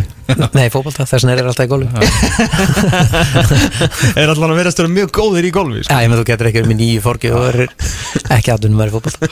Haldur Jón Sigurður Þórðarsson Þetta er bara einn óvandasta þrenna sem það eru síðan langa tíma. Þegar hann í viking aftur á næsta ári eða? Hver, hver veit? Já, Nei, þetta er, ég held að setja sér óvæntast að þrenna sig í séð. Já. Þetta, ég, ég, er ekki sem með þetta Var hann bara, var hann bara strækir strækir í svo leika út á kanti eða? Byrjaði át á kanti og var samt færður í strækjan Þetta er náttúrulega einhver mest Ótrúlega áræðin Já, ég meina hann getur hlaupið þú veist, Fyrir hann- aftanlínunar hann getur hlaupið fyrir aftalínunar Og hleypur. með enda lausa orku sko, þú fari alltaf 110% frá honum og þegar þú styrir þér sænu hann og sagði þú veist þið fáið mann sem gefur ykkur allt hann getur líka gefið mörg sko en hann getur líka lægt upp mörg lagði upp ótrúlega mikilvægt margt með sem móti káa á síðustu leiktíð og sömulegis í blika-leiknum minna fyrir viking á síðustu krossa. Fína krossa og líka góður að koma upp með svona, svona smá gúmilappir hann er svona einhvern veginn mjakast fram hjá mönnum og mjög skringilega máta en fljótur áræðin og bara ótrúlega tröstur leikmaður að hafa þó að sé ekki eitthvað besti leikmaður í deildinni að þetta er svona gæði sem þú vilt alveg hafa í hópnuðinum og, og, og bara að maður er hrigalega ánæður bara fyrir hans hand að hafa átt þetta moment sko og vonandi setur hann okkur í viðbót fyrir það mm. Keflaði Káa klukkan 5 á morgun Hvernig fer hann úr þess? Já, keflaði káa mm, Ég held að, er þetta ekki játefli bara? Já, jafnablisleikt á þessum leik. Ég held að kemla ekki vinni þetta. Uh, F.A. Breiðablik verður sannu kvöldi og svo á mánudaginn þá er Káur Valur og Ía Fram og svo Stjarnan Víkingur á föstudeginum. Uh, Ía Fram við ræðum náttúrulega bara um framliðið við Jón Sveinsson hérna á eftir í, í tættunum en Keflavík, verður Keflavík í efri hlutunum eftir 22 fyrir Ég held að Ég held að það verið smá högg fyrir það að missa útlendingi sem var þeim sem var fáralega góður. Já, það var ógeðslega góður. Og uh, ég held að þeir hafi náð að lifa aðeins á því áfram eftir að hann fór af því að liði spilaði svona samantaktin svo einhvern veginn missur svolítið rithman en ég er smá að gera að núna sé komið smá viðsnúningur aftur og þeir geta aftur farið að pompa þess niður. Að Káuringar nái, nái efri hlutanum. Já, ég, bara á því að vera káir já, ég held að, ég held að það geti, geti gerst. Já, allan nóg af það er nóg af mannskapar. Já, en vel rétt úr kútnum ef ekki rétt og kútnum verður bara Já. með, með betri liðum deildarinnar akkurat í dag. Já. Skagamenn það bara gengur ekkert, það get ekki neitt.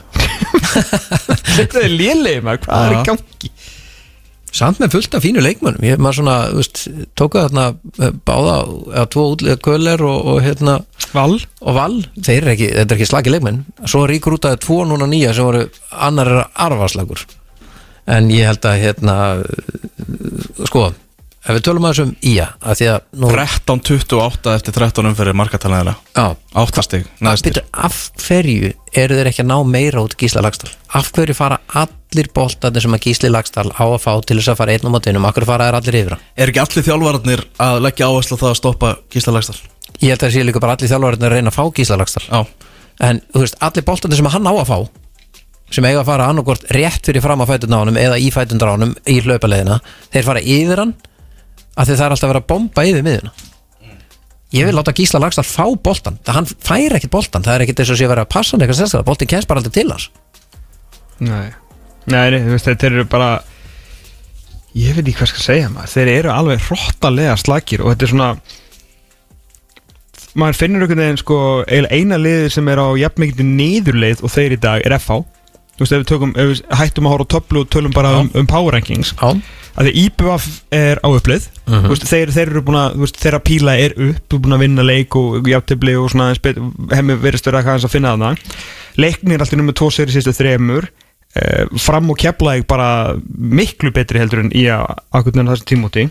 Svo lítur maður einhvern veginn á liðera og með hvað maður var svona spenntur fyrir hvað þeir voru það, sko Jón Þór getur mun aldrei geta hvart af því að hann ekki fengið stuðningana þetta er einhver almesti stuðningur sem að þjálfari íþjóttumandala Akarnes hefur fengið á leikmannamarkaði sem að ég bara séð í HR-ast tíð sko.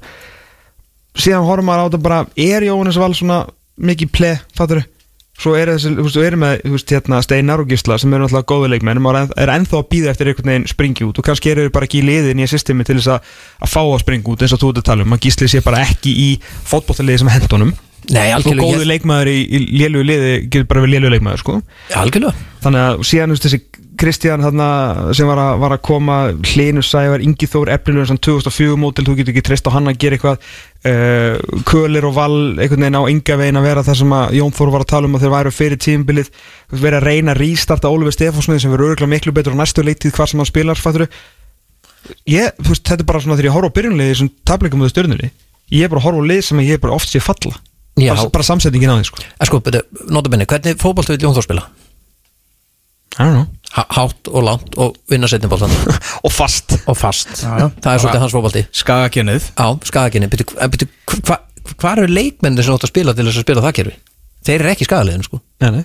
Þú ert með leikmenn hann þessu Gísla Lagstall sem er ekki að fara að hérna, berjast í setniboltan hann er bara svipaður eins og Kristall eða, eða Jasson eða eitthvað skil hann er bara fá hann og drilla honum í gegn eða fá hann í svæðið og taka einn á og leggja hann fyrir sko Já, Steinar Áraðin, skilur Köler við, við klappunum með, bara, þú veist, með fótboltalið sem er einhvern veginn að Já. spila loftbolta sko. Þannig að ég held að, sko, ég held bara að svona ef maður, ef maður lítur yfir þetta tímbil heilt yfir, burtsið frá við skoðum bara KR FH, þú veist, þetta er bara lið sem eru búin að sækja sér leikmenn sem er ekki að fitta inn í þann fótbolta sem að liði þegar staðið fyrir undanfærin ár.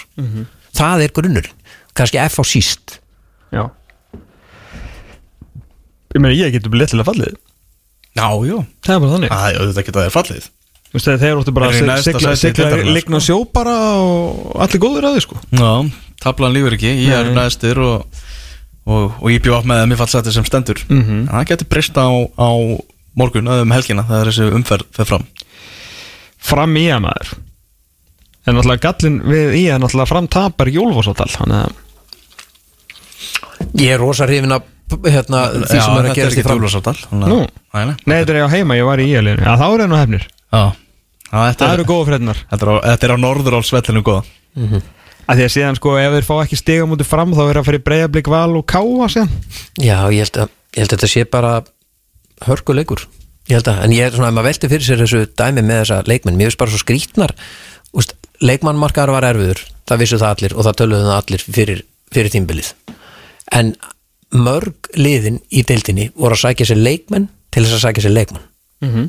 það voru ekki að sækja sér leikmann til þess að spila inn í ákveðna hugmyndafræði sem að þjálfara var með til þess að spila fótball Nei, það er náttúrulega, þú veist, það er erfitt þegar það er búið að vera riksu allir með eins og lengjadöldamarka en ár eftir ár núna að hérna, bæði hjá, veist, vikingur og, og breyðablík og fleiri, fleiri lifir að gera það að þegar hinliðin, þegar fleiri og fleiri eru farin að horfa í sama markaðin og útlendingum er að erlendu leikmönnum er svona alla jafna að fækka skilju, þetta er ekki sama, það er ekki allir með fjóra til fimm að þá náttúrulega, þú veist, þeir sem fara svolítið síðastur á stað að verða bara svolítið í brasi. Þú veist, þá ertu bara að fá leikmenn sem einhvern veginn er að detta út úr liðunum hér og þú veist, með þú getur sagt allan góða hluti í heiminum um, um Aron Bjarka en hann var svona ekki, hann var svolítið langt síðan að hann var í einhverju meiri sér sínum fasta aðal auka hlutverki hjá KR þó við kunum vel að meta hann og hann hefur gert frábæra hluti og hvað að hérna, það verður bara svo erfitt og alveg eins og núna í þessum glugga eða bara núna í vetur, þú veist, það var náttúrulega öll tóliðin fara til dæmis í kjartankára en hann fer á vantilega endan við breyðablík bara.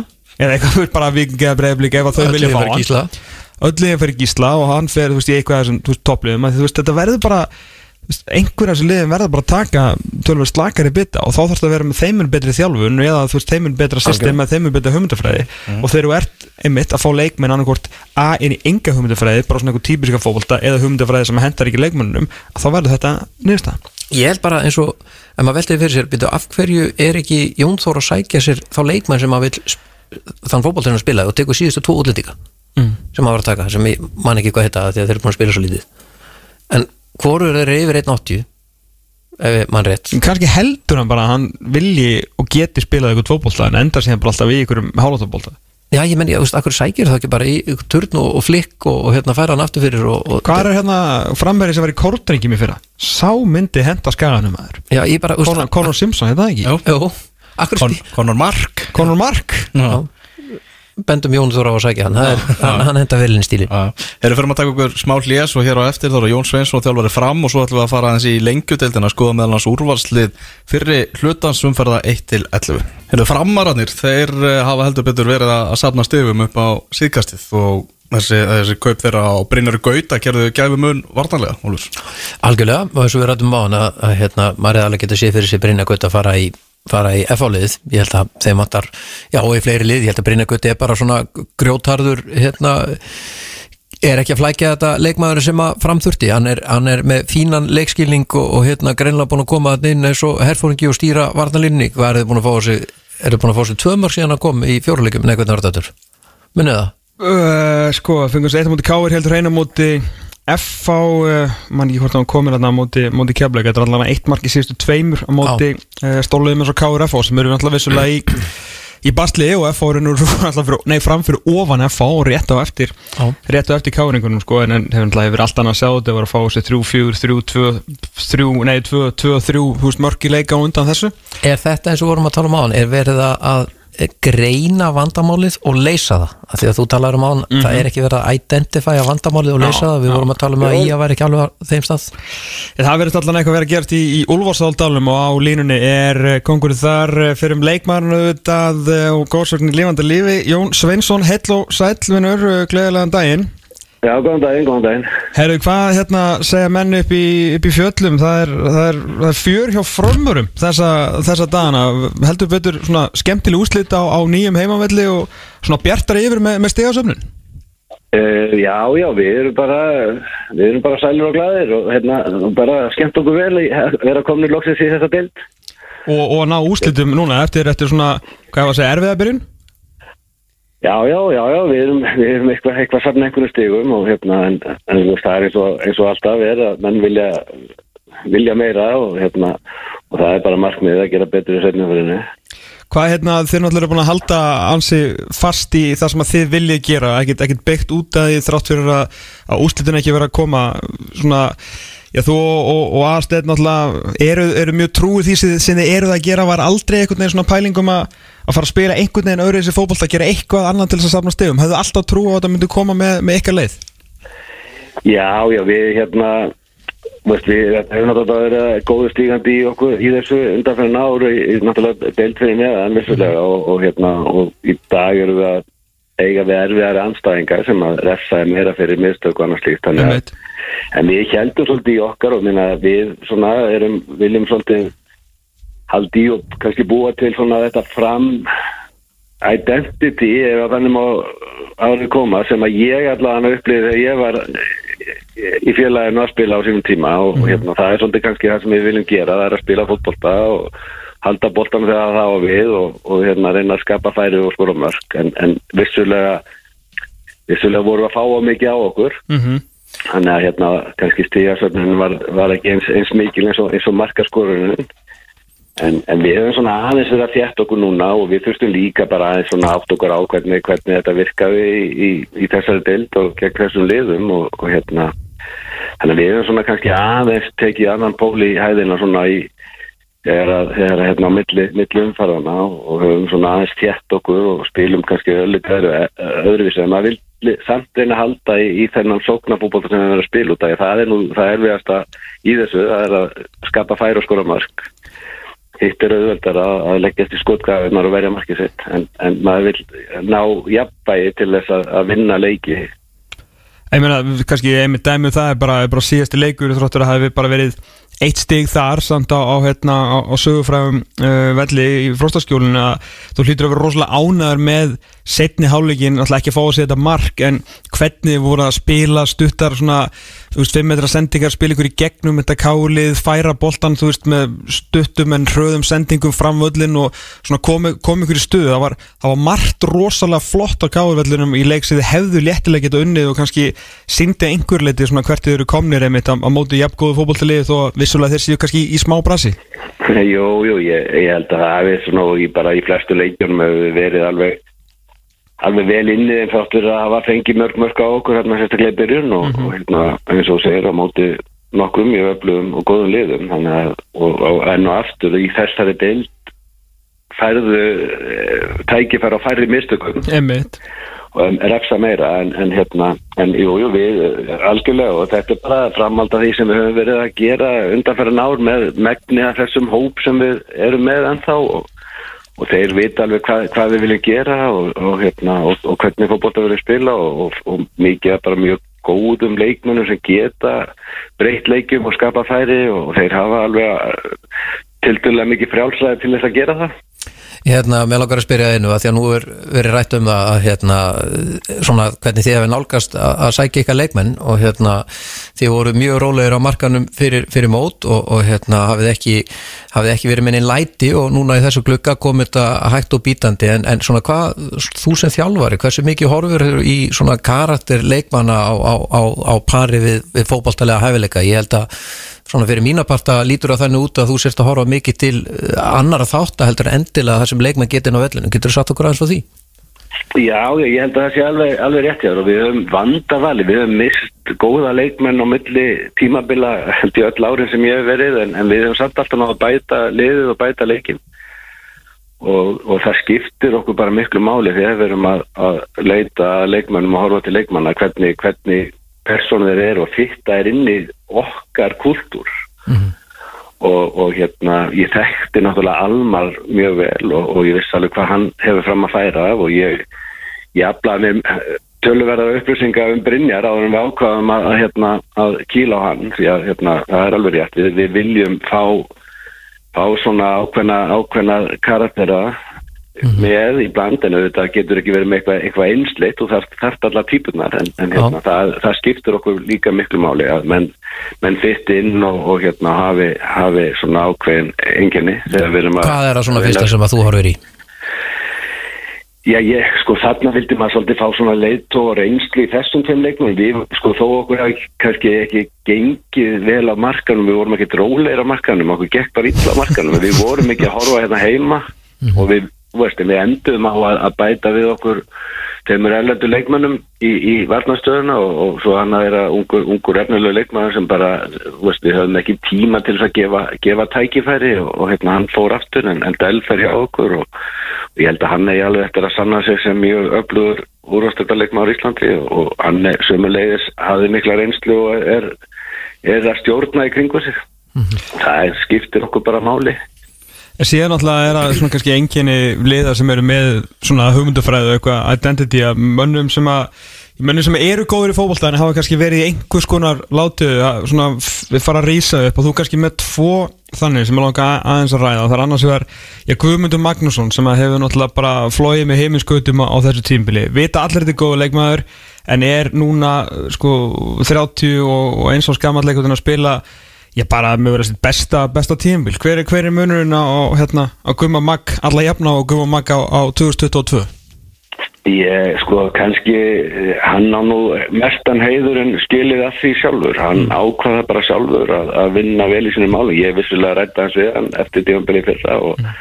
útskýrið svona fyrir honum, okkur hann hefði verið kannski meiri í, í, í varamans hlutverki heldur en í, í byrjunarliðum í hérna á síðasta tímabili og, og hérna og hann bara tók upp til sín og, og hérna og mætti bara í fantaformi og hefur bætt sérstaklega varnalíkin mjög. Mm. og það er bara held ég að skila sér svo hérna í, í því sem hann er að gera í dag og hvernig, hvernig hann hefur allavega að byrja á mótið og vonandi heldur hann bara áfram á þessari bröð Þannig að þú hefur ekkert verið eitthvað svona allt og gladur kannski með standið á honum með hvað vissir að bjóð í honum á síðustu leitið Uh, sko Gummi kom kannski inn þannig að uh, var svona orðin bara pínu treytur þegar hann kemur til okkar uh, á sínum tíma og hérna en, en kom inn svona bara við rættum saman, hann átti mikið framæri og hann kom inn með bara með hérna svolítið svona hugafara að striðja við og styrkja það sem var í gangi og var mjög bara hvetjandi og, og hérna að hjálpa unguleikmannunum og en svo í vetur þá ákvað hann að, hérna, að koma sér bara í stand og ég menna og hann fekk tækifærið og, og bara greipa það eins og, eins og eins og engin annar, hann er bara frábært fordæmi bara fyrir unga leikmenn sem vilja, vilja styrkja sig og, og, og hérna og ná árangra þetta snýst ekki bara um það sem við erum að gera á æfingum dagstæðilega, heldur mhm. þurfa menn svolítið að hugsa um sig sjálfur og setja sér markmið og, og vinna í sínum hlutum hver og einn Sko það er alveg að tala um það að árið 2019 að ég maður rétt að Tiago hafi verið bara já, besti leikmæðurinn í, í betildina á þeirri tímbili greinilega mjög góður fókbaltamæður síðan bara fer hann eitthvað, eitthvað á pásu, vinna sér þjóttn eða eitthvað og svo kemur hann í grindavík, er ekkert sérstakur.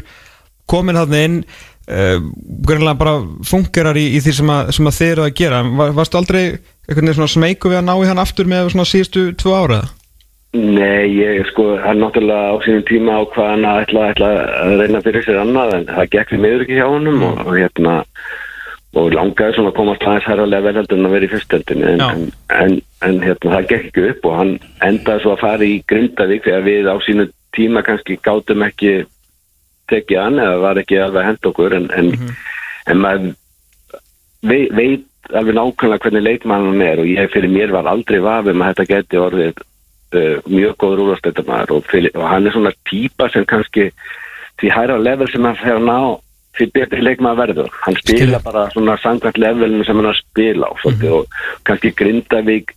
Og svo, svo er bara hjá okkur erum við með ágæti stóran hópa það er samkeppni og ég meina samkeppni á að gera betri leikmenn að, að, eða góða leikmenn að enn betri leikmennum og, og mér finnst það svolítið kannski líka það sem var í Grindavík var kannski bara aðeins of kósi fyrir hann. Já, en, en hérna hjá okkur að þá bara, veist, eru leikmenn sem eru bara tilbúinur á kantinum að, að hoppa inn á ef einhver er ekki að standa sig. Þannig að, þannig að menn þurfa virkið að fyrir því að fá mínútur. Og, og hérna, ég held að, held að þetta tvent sé kannski að hjálpa honum svolítið. En ég, fyrir mér var aldrei vorum við aldrei nokkrum af um að hann væri topp úrvarsleikmaður það er mikill fótboll eftir fram að tviðskiptingu Jón, uh, en þið eru þeir eru nýju leikir eftir nær Evróumspilinu heldur en, heldur en falli uh, var sest niður eftir 11 og sest sér ykkur ný markmið eða eru það ennþá í, í svona nýlega gýrnum að fá að vera áfram í, á ballinu á næstu leitið Áður Já, já, við, við náttúrulega höfum bara verið að horfa í okkar, okkar markmið og eins og ég sagði áðan að við ætlum að að gera betur í, í einni hálfleiknum heldur en við gerum í fyrri Já. hvað stigasöfnun varðar og, og hérna en síðan eins og bara er í þessu það er, þetta eru allt erfið kræfandi leiki, þú getur unnið all og getur tapað öllum. Og við verðum bara að, að njóta þess að, að, að taka hvern og einn og, og svo í, í lok september að þá verður bara kemur ljós hvar við stöndum. En, en hérna en veist, það er það er eins og segir allt opið það er líka fullt eftir og, og maður veit alveg að það er, það er hérna ofsa senda að fara að fagna einhverju í, í júli Hver- Hvernig er, er fyrir þig núna, ég meina þegar þú ert leikmaður er framalllega stórkursleitt lið uh, áskrifundur að byggarnum á, sínum tíma og þú veist að vera hluti af því. Núna þú veist þó að því sé kannski ekki að sigur sælir þá ertu samt þjálfari liðsins á þessum nýju tímum og meina að þjálfa lið á þeirra í raun og veru kannski fyrsta alvöru, alvöru, alvöru heimavelli, ég meina þetta er svona alveg sikkur tímaskeið en að fá að taka svona virkan þátt í, í báðu, er er ekki mjög gaman einhvern veginn að standa hann upp í Jólásaldal með þessa glæsilegu stúku og vera hluti þessari svona nýju sögu framara? Jú, jú, alveg hárétt og, hérna, og maður er bara vissulega þakkláttur og kátur með það að fá að taka þátt í þessu. Við höfum mikið rætt það í eh, okkar, okkar liðu hópað að þetta er bara tækifæri til að skrifa þessar fyrstu blaðsýður framsögunar á nýju, nýjum stað. Og við viljum hafa þær eftirminnilegar. En sama skapið var náttúrulega rosalega gaman að að kveðja safamirina og kveðja hana náttúrulega með þeim stæl sem við gerðum í fyrrat og við neðist til þess að taka eh, nokkra leiki í vor líka. En, en ég held að eh, þetta muni verða félaginu bara til framdráttar til, til lengri tíma litið að vera komin á, á nýjan stað í nýtt hverfi og, og með frábæra aðstöðu. Og við bara hlökkum til að, að hérna næstu ára og, og sjáum hvort að það mun ekki duða til þess að fleita okkur í, í efri, efri hluta baráttunar í, í bestu þeldinni það er, það er náttúrulega bara markmið og draumurinn. Ekki spurning, Jón Sveinsson, þjálfari framara það er skæi, næsta útvelli bara gangið vel og, og hérna við kannski heyrjumst aftur síðar í sumar. Já, takk fyrir það. Það er bara Heyrjumst. Bye bye. Bye. Haldi ég að það er smá slúður hérna á norðan samkvæmt uh, slúðurinn þá er Káa að fá hafsend frá Slóveníu Ok, fyrir uh, baráttuna hérna setni hluta mótsins ah, mikið og gott fótballtaland Slóvenía Þetta er nú að vera fint heldur betur Það er nefnilega er ekki sko unga kynslaðun meiri þess að sko við sko við erum meiri þess að aðeins og ungir til þess að við átt okkur á kvörslas djöfisins legend er að þjálfa þetta framlið sko. Já. Jón Sveinsson alltaf magnaður leikmaður á sín tíma í liði sem var ótal til hana og náttúrulega aðstofþjálfurinn sko tvöfaldur Íslandsmeistari og bara eitt besti miðjumar á sín tíma í deildinni Alsteinn Alsteinsson sko. Ég held að sé ágætið stína mig upp í fjöllum eins og þú orðaði að það, með þetta reynslu mikla uh, þjálfartimi Já. svo í stjórnil eru núna svona mjög svona ungir og, og ferskir menn Já, sem eru búin að taka við stjórnantimanum sko. og þetta er svona tengi sko Jón er með þessa hérna svona, hvað var að segja, er- er góðsögnu lifandi lífi, svona gæði sem allir framar ránaði með, þetta er bara svona, veist, hérna, bara svona solid leikmaður, Þægilegur. rosalega þægilegur og hann var ekki, ekki, hann var ekki superstjarnan í þessum, þessum sigursæla framliði en hann á, þú veist, ég held að hann hefði spilað 15.000 leiki, þú veist, hann var bara alltaf klár, sko. Já.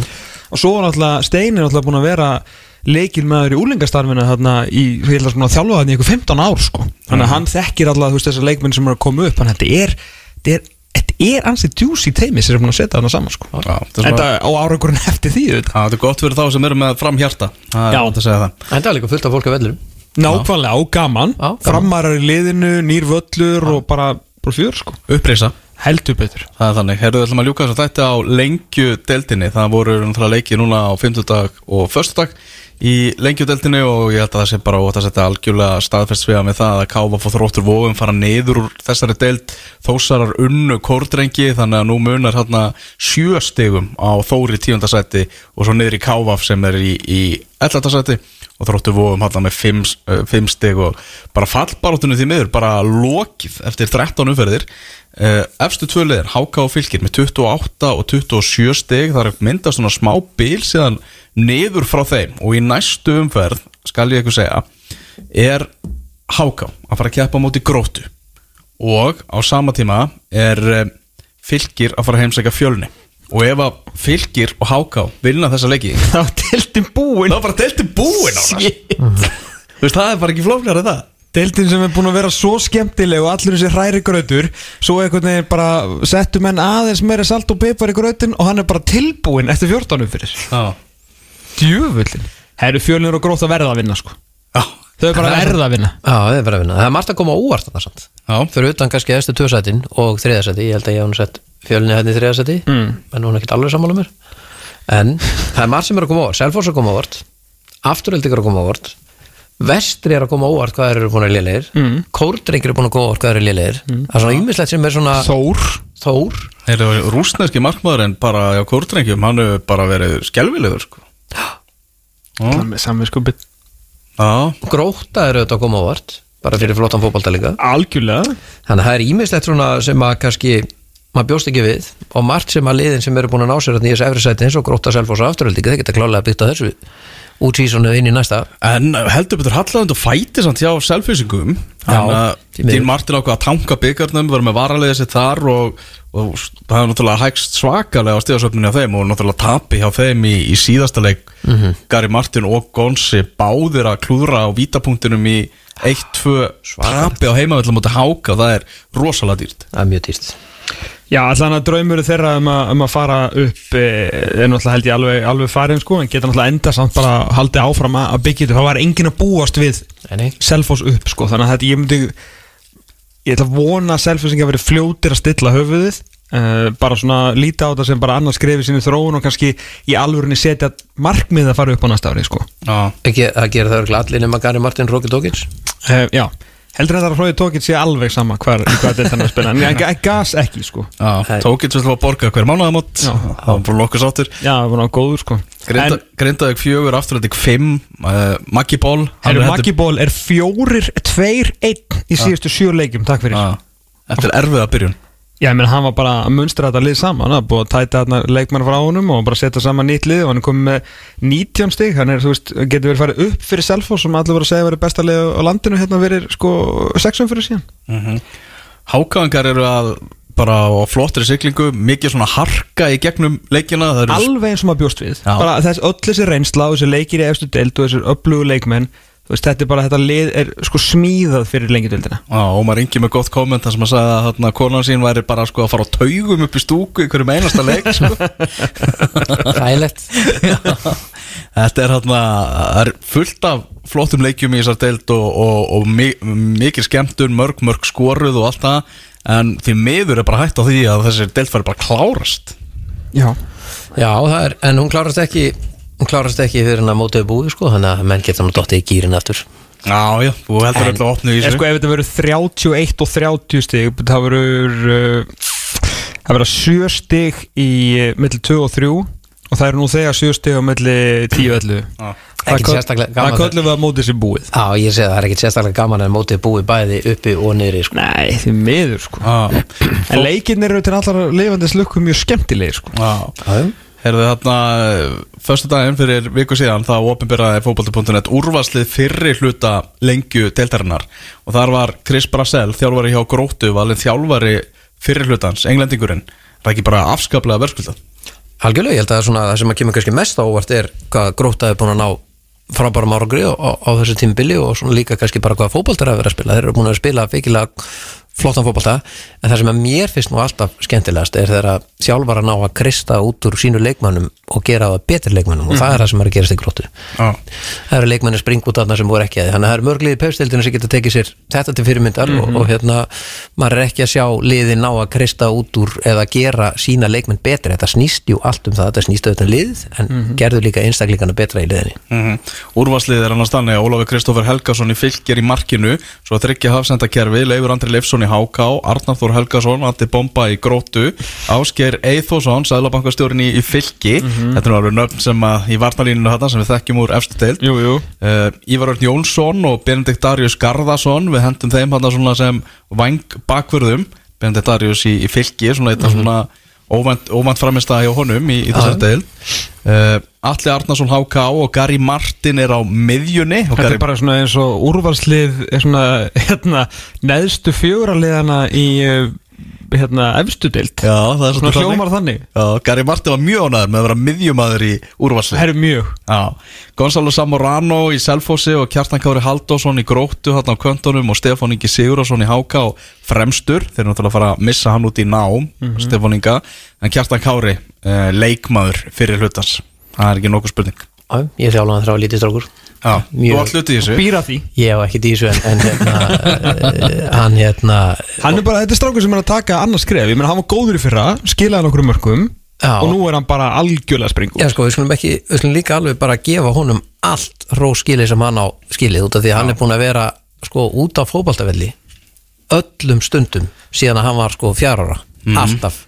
Hann var eftir alla hverju einu stæðingu þegar ég var að þjálfa þegar hann var í fymtaflokki eða eitthvað og, og hérna hefur lagt gríðarlega hart að sér og hérna greinlega bara ætlaði sér að verða fótbaltamaður og það er að takast á honum og vonandi nær hann taka næsta skrif ég er allavega er ótrúlega ánæður að sjá þeirra leikmenn með þetta mikla svona dedication fyrir því að vera fótbaltamenn að þeim takist sitt áallinu verk Er þetta ekki leikmaður sem að uh, bara FH eða KR bara verða ná í? Í sinni uppbyggingu. Að, Ég er ekkert að segja að hann sé bara leikmaður sem fara að starta fyrir það í dag fattur, en, en er þetta ekki næsta big thing úr byrjildinu? Já, ég byrja, þau eru ekki að byrja einhvers staðar innan frá fyrst áður en að fara alltaf áfram og segja sér alltaf einhver unga leikmenn og, og gera eitthvað, þau eru ekki að byrja aðeins að líta inn á og veitu hvert ætlum við að fara? Ok, við ætlum að fara þangað út af þessu og þess vegna ætlum við að ná við þennan leikmenn mm. En Kjartan Kári er svo sannlega með þætti sem að liðan svo KR hefði alveg gott að vera með í sínu liði sko. Já, og FH líka. Já, er með 12 mörg markaðistur í, í, í þessari deild. Ef að hákaðingar fara upp úr lengjudeldinni eins og stefnir í með Ómar Inga Guðmundsson við stjórnvörinn geta hákaðingar gert eitthvað annað heldur en að ráða hann bara áfram? Með það? Það held ég ekki. Allan daginn Stórfurðulegt. Allan daginn gefa honum, gefa honum tækifæri og standa sér stilt hákáði líka þannig þetta er vinalegu klúpur Já. þeir eru alveg tilbúinir að standa með sínum mönnum og, og hérna, það er ekkit verið að sprengja sig á, á hlutunum og það er ekkit verið að vaða áfram eins og þessi ráninga til kynna þeir, þeir höfðu alveg trú á sínu manni innan, innabúa manni og Ég skil það líka alveg að vera ekkert eitthvað hræri í þessu eitthvað núna, hann er bara ekkert gengur vel, hann er interim manager eins og settir á ennskunni Já. og bara það gengur vel þannig að hérna, til hvers að vera eitthvað að drífa sig að vera eitthvað krótundir eitthvað samninga að taka eitthvað ákvæðanir sko. Hver, Hvernig ætla að ættu að taka? Næ, ég er að tala um skilur þú veist að ráðan til frambúðar Já, ég er að segja, þú veist, hvern annan ættu að taka? Ekki á þessari stundu neitt sko. Nei, ég meina, mér fara upp, skilur Já, já, ég meina það var sögur um það að Jó Púrisevits var náttúrulega bara að punta Já, niður á en nú er hann náttúrulega augljóslega, þú veist, hann er komin fram fyrir, búin að höfrungu hoppa fram yfir Eyjó Púri sig, nú erum við vantilega að hugsa um Já, kemur Brynja Björn aftur heim, þú veist, ef það gengur ekki honum úti eða, þú veist, ég, ég, þú veist, ég veit ekki hvað, þú veist, Heimir Guðjónsson, er hann eitthvað stórt, svona, væri einhverjir mentali að taka stórt skref og ráða, ráða hann, en nei, þú náttúrulega, ef hann kemur þessu liðu upp, þú er bara með mjög ungan og ferskan þjálfara sem er að þjálfa lengi, gæði sem þekkir Já, og ég, og ég talaði við mann sem að þarna nú þekki vel til í þjálfara fræðum og allt þannig og búin að sjá háka á leikina og sagði bara, Ómar bara að gera frábæra hluti með þetta lið. líka bara gæði sem hann lifir og andar fótbolta. Ja. hann er bara horfir á alla leiki í öllum yngri flokkum með allt á hreinu sem að því að hann kann marka þeim vel hann, getur náði einhverja demata sem hann er vantanlega líka verið að hjálpa öðrum þjálfurum við um, og bara gaman að fá nýtt nafn í þessa, þú veist, Já, og þeirra nafn. Já, þeirra nafn. Já, þú veist, þetta er eitthvað gæði sem að, þú veist, hann- það- úrslitin skipta hann verið lögum máli. Þannig að ef hann kemur þessu liðu þá bara setjast þið niður með honum, myndi ég halda og bara vilt, þú veist, treystur í þetta? En má hann Lá- ekki líka vera með liðan að kemur um ekki upp? Er hann ekki bara búin að sína, hann er búin að fínum árangri Jú, bara þess þá heldur, sko. Já. Já. bara, þú veist, sama hvað að bara, hérna, það, mér þætti skrítið allan eða myndi ekki segja bara treystur í þetta, þú veist, viltu hafa þetta áfram kannski segir hann bara, nei, ég heldur þetta er bara svona fint en ég vil gera þetta kannski eftir ár en ég skal vera áfram aðstóð þennan mér finnst það ólíklegt þetta að hann myndi segja en bara bjóðunum starfið. Já, allt stefnir í það sem að spáð var fyrir mót að það eru það háka og fylki sem faru upp og það eru þrótturvóðum og kávar sem faru niður. Þróttu vona sem hann heldur betur læst saman vörðinni eftir að Benny Gest kom. Já, það var svona aðeins farið komið bakslag í, í, í, það- í það dæmi. Heyrðu þarna, ég fór í, í Njarðvíkina í gerð þar sem var toppslagurinn í annari tjaldinni Njarðvík á móti þrótti Já, og þar eh, komust þróttarar yfir í, í þeim leik. Njarðvíkingar áttu arfa, arfa dabran fyrirháleik en síðan í setnaháleiknar jafna á 61. minútu Ómar Díok sem er hann að markaðasti leikmaðurinn í deildinni skoraði beint úr aukaspilnu mér finnst, fannst þetta reynda að vera þvælu dómur þessi aukaspilna, getur vel ímynda mér að þróttarar að verið ósáttu við það. Skoraði sann aftur bara 5 minútu setna og Njarðvík hérna langbesta lið í annar deildinni vann þennan leik og eru komni með hvað hefur að segja, bara nýju tær upp í, upp í lengjudeldina segi, upp úr þessari eru með þrjá, Hvað mistu þér tá ekkert mann í slýsið það? já.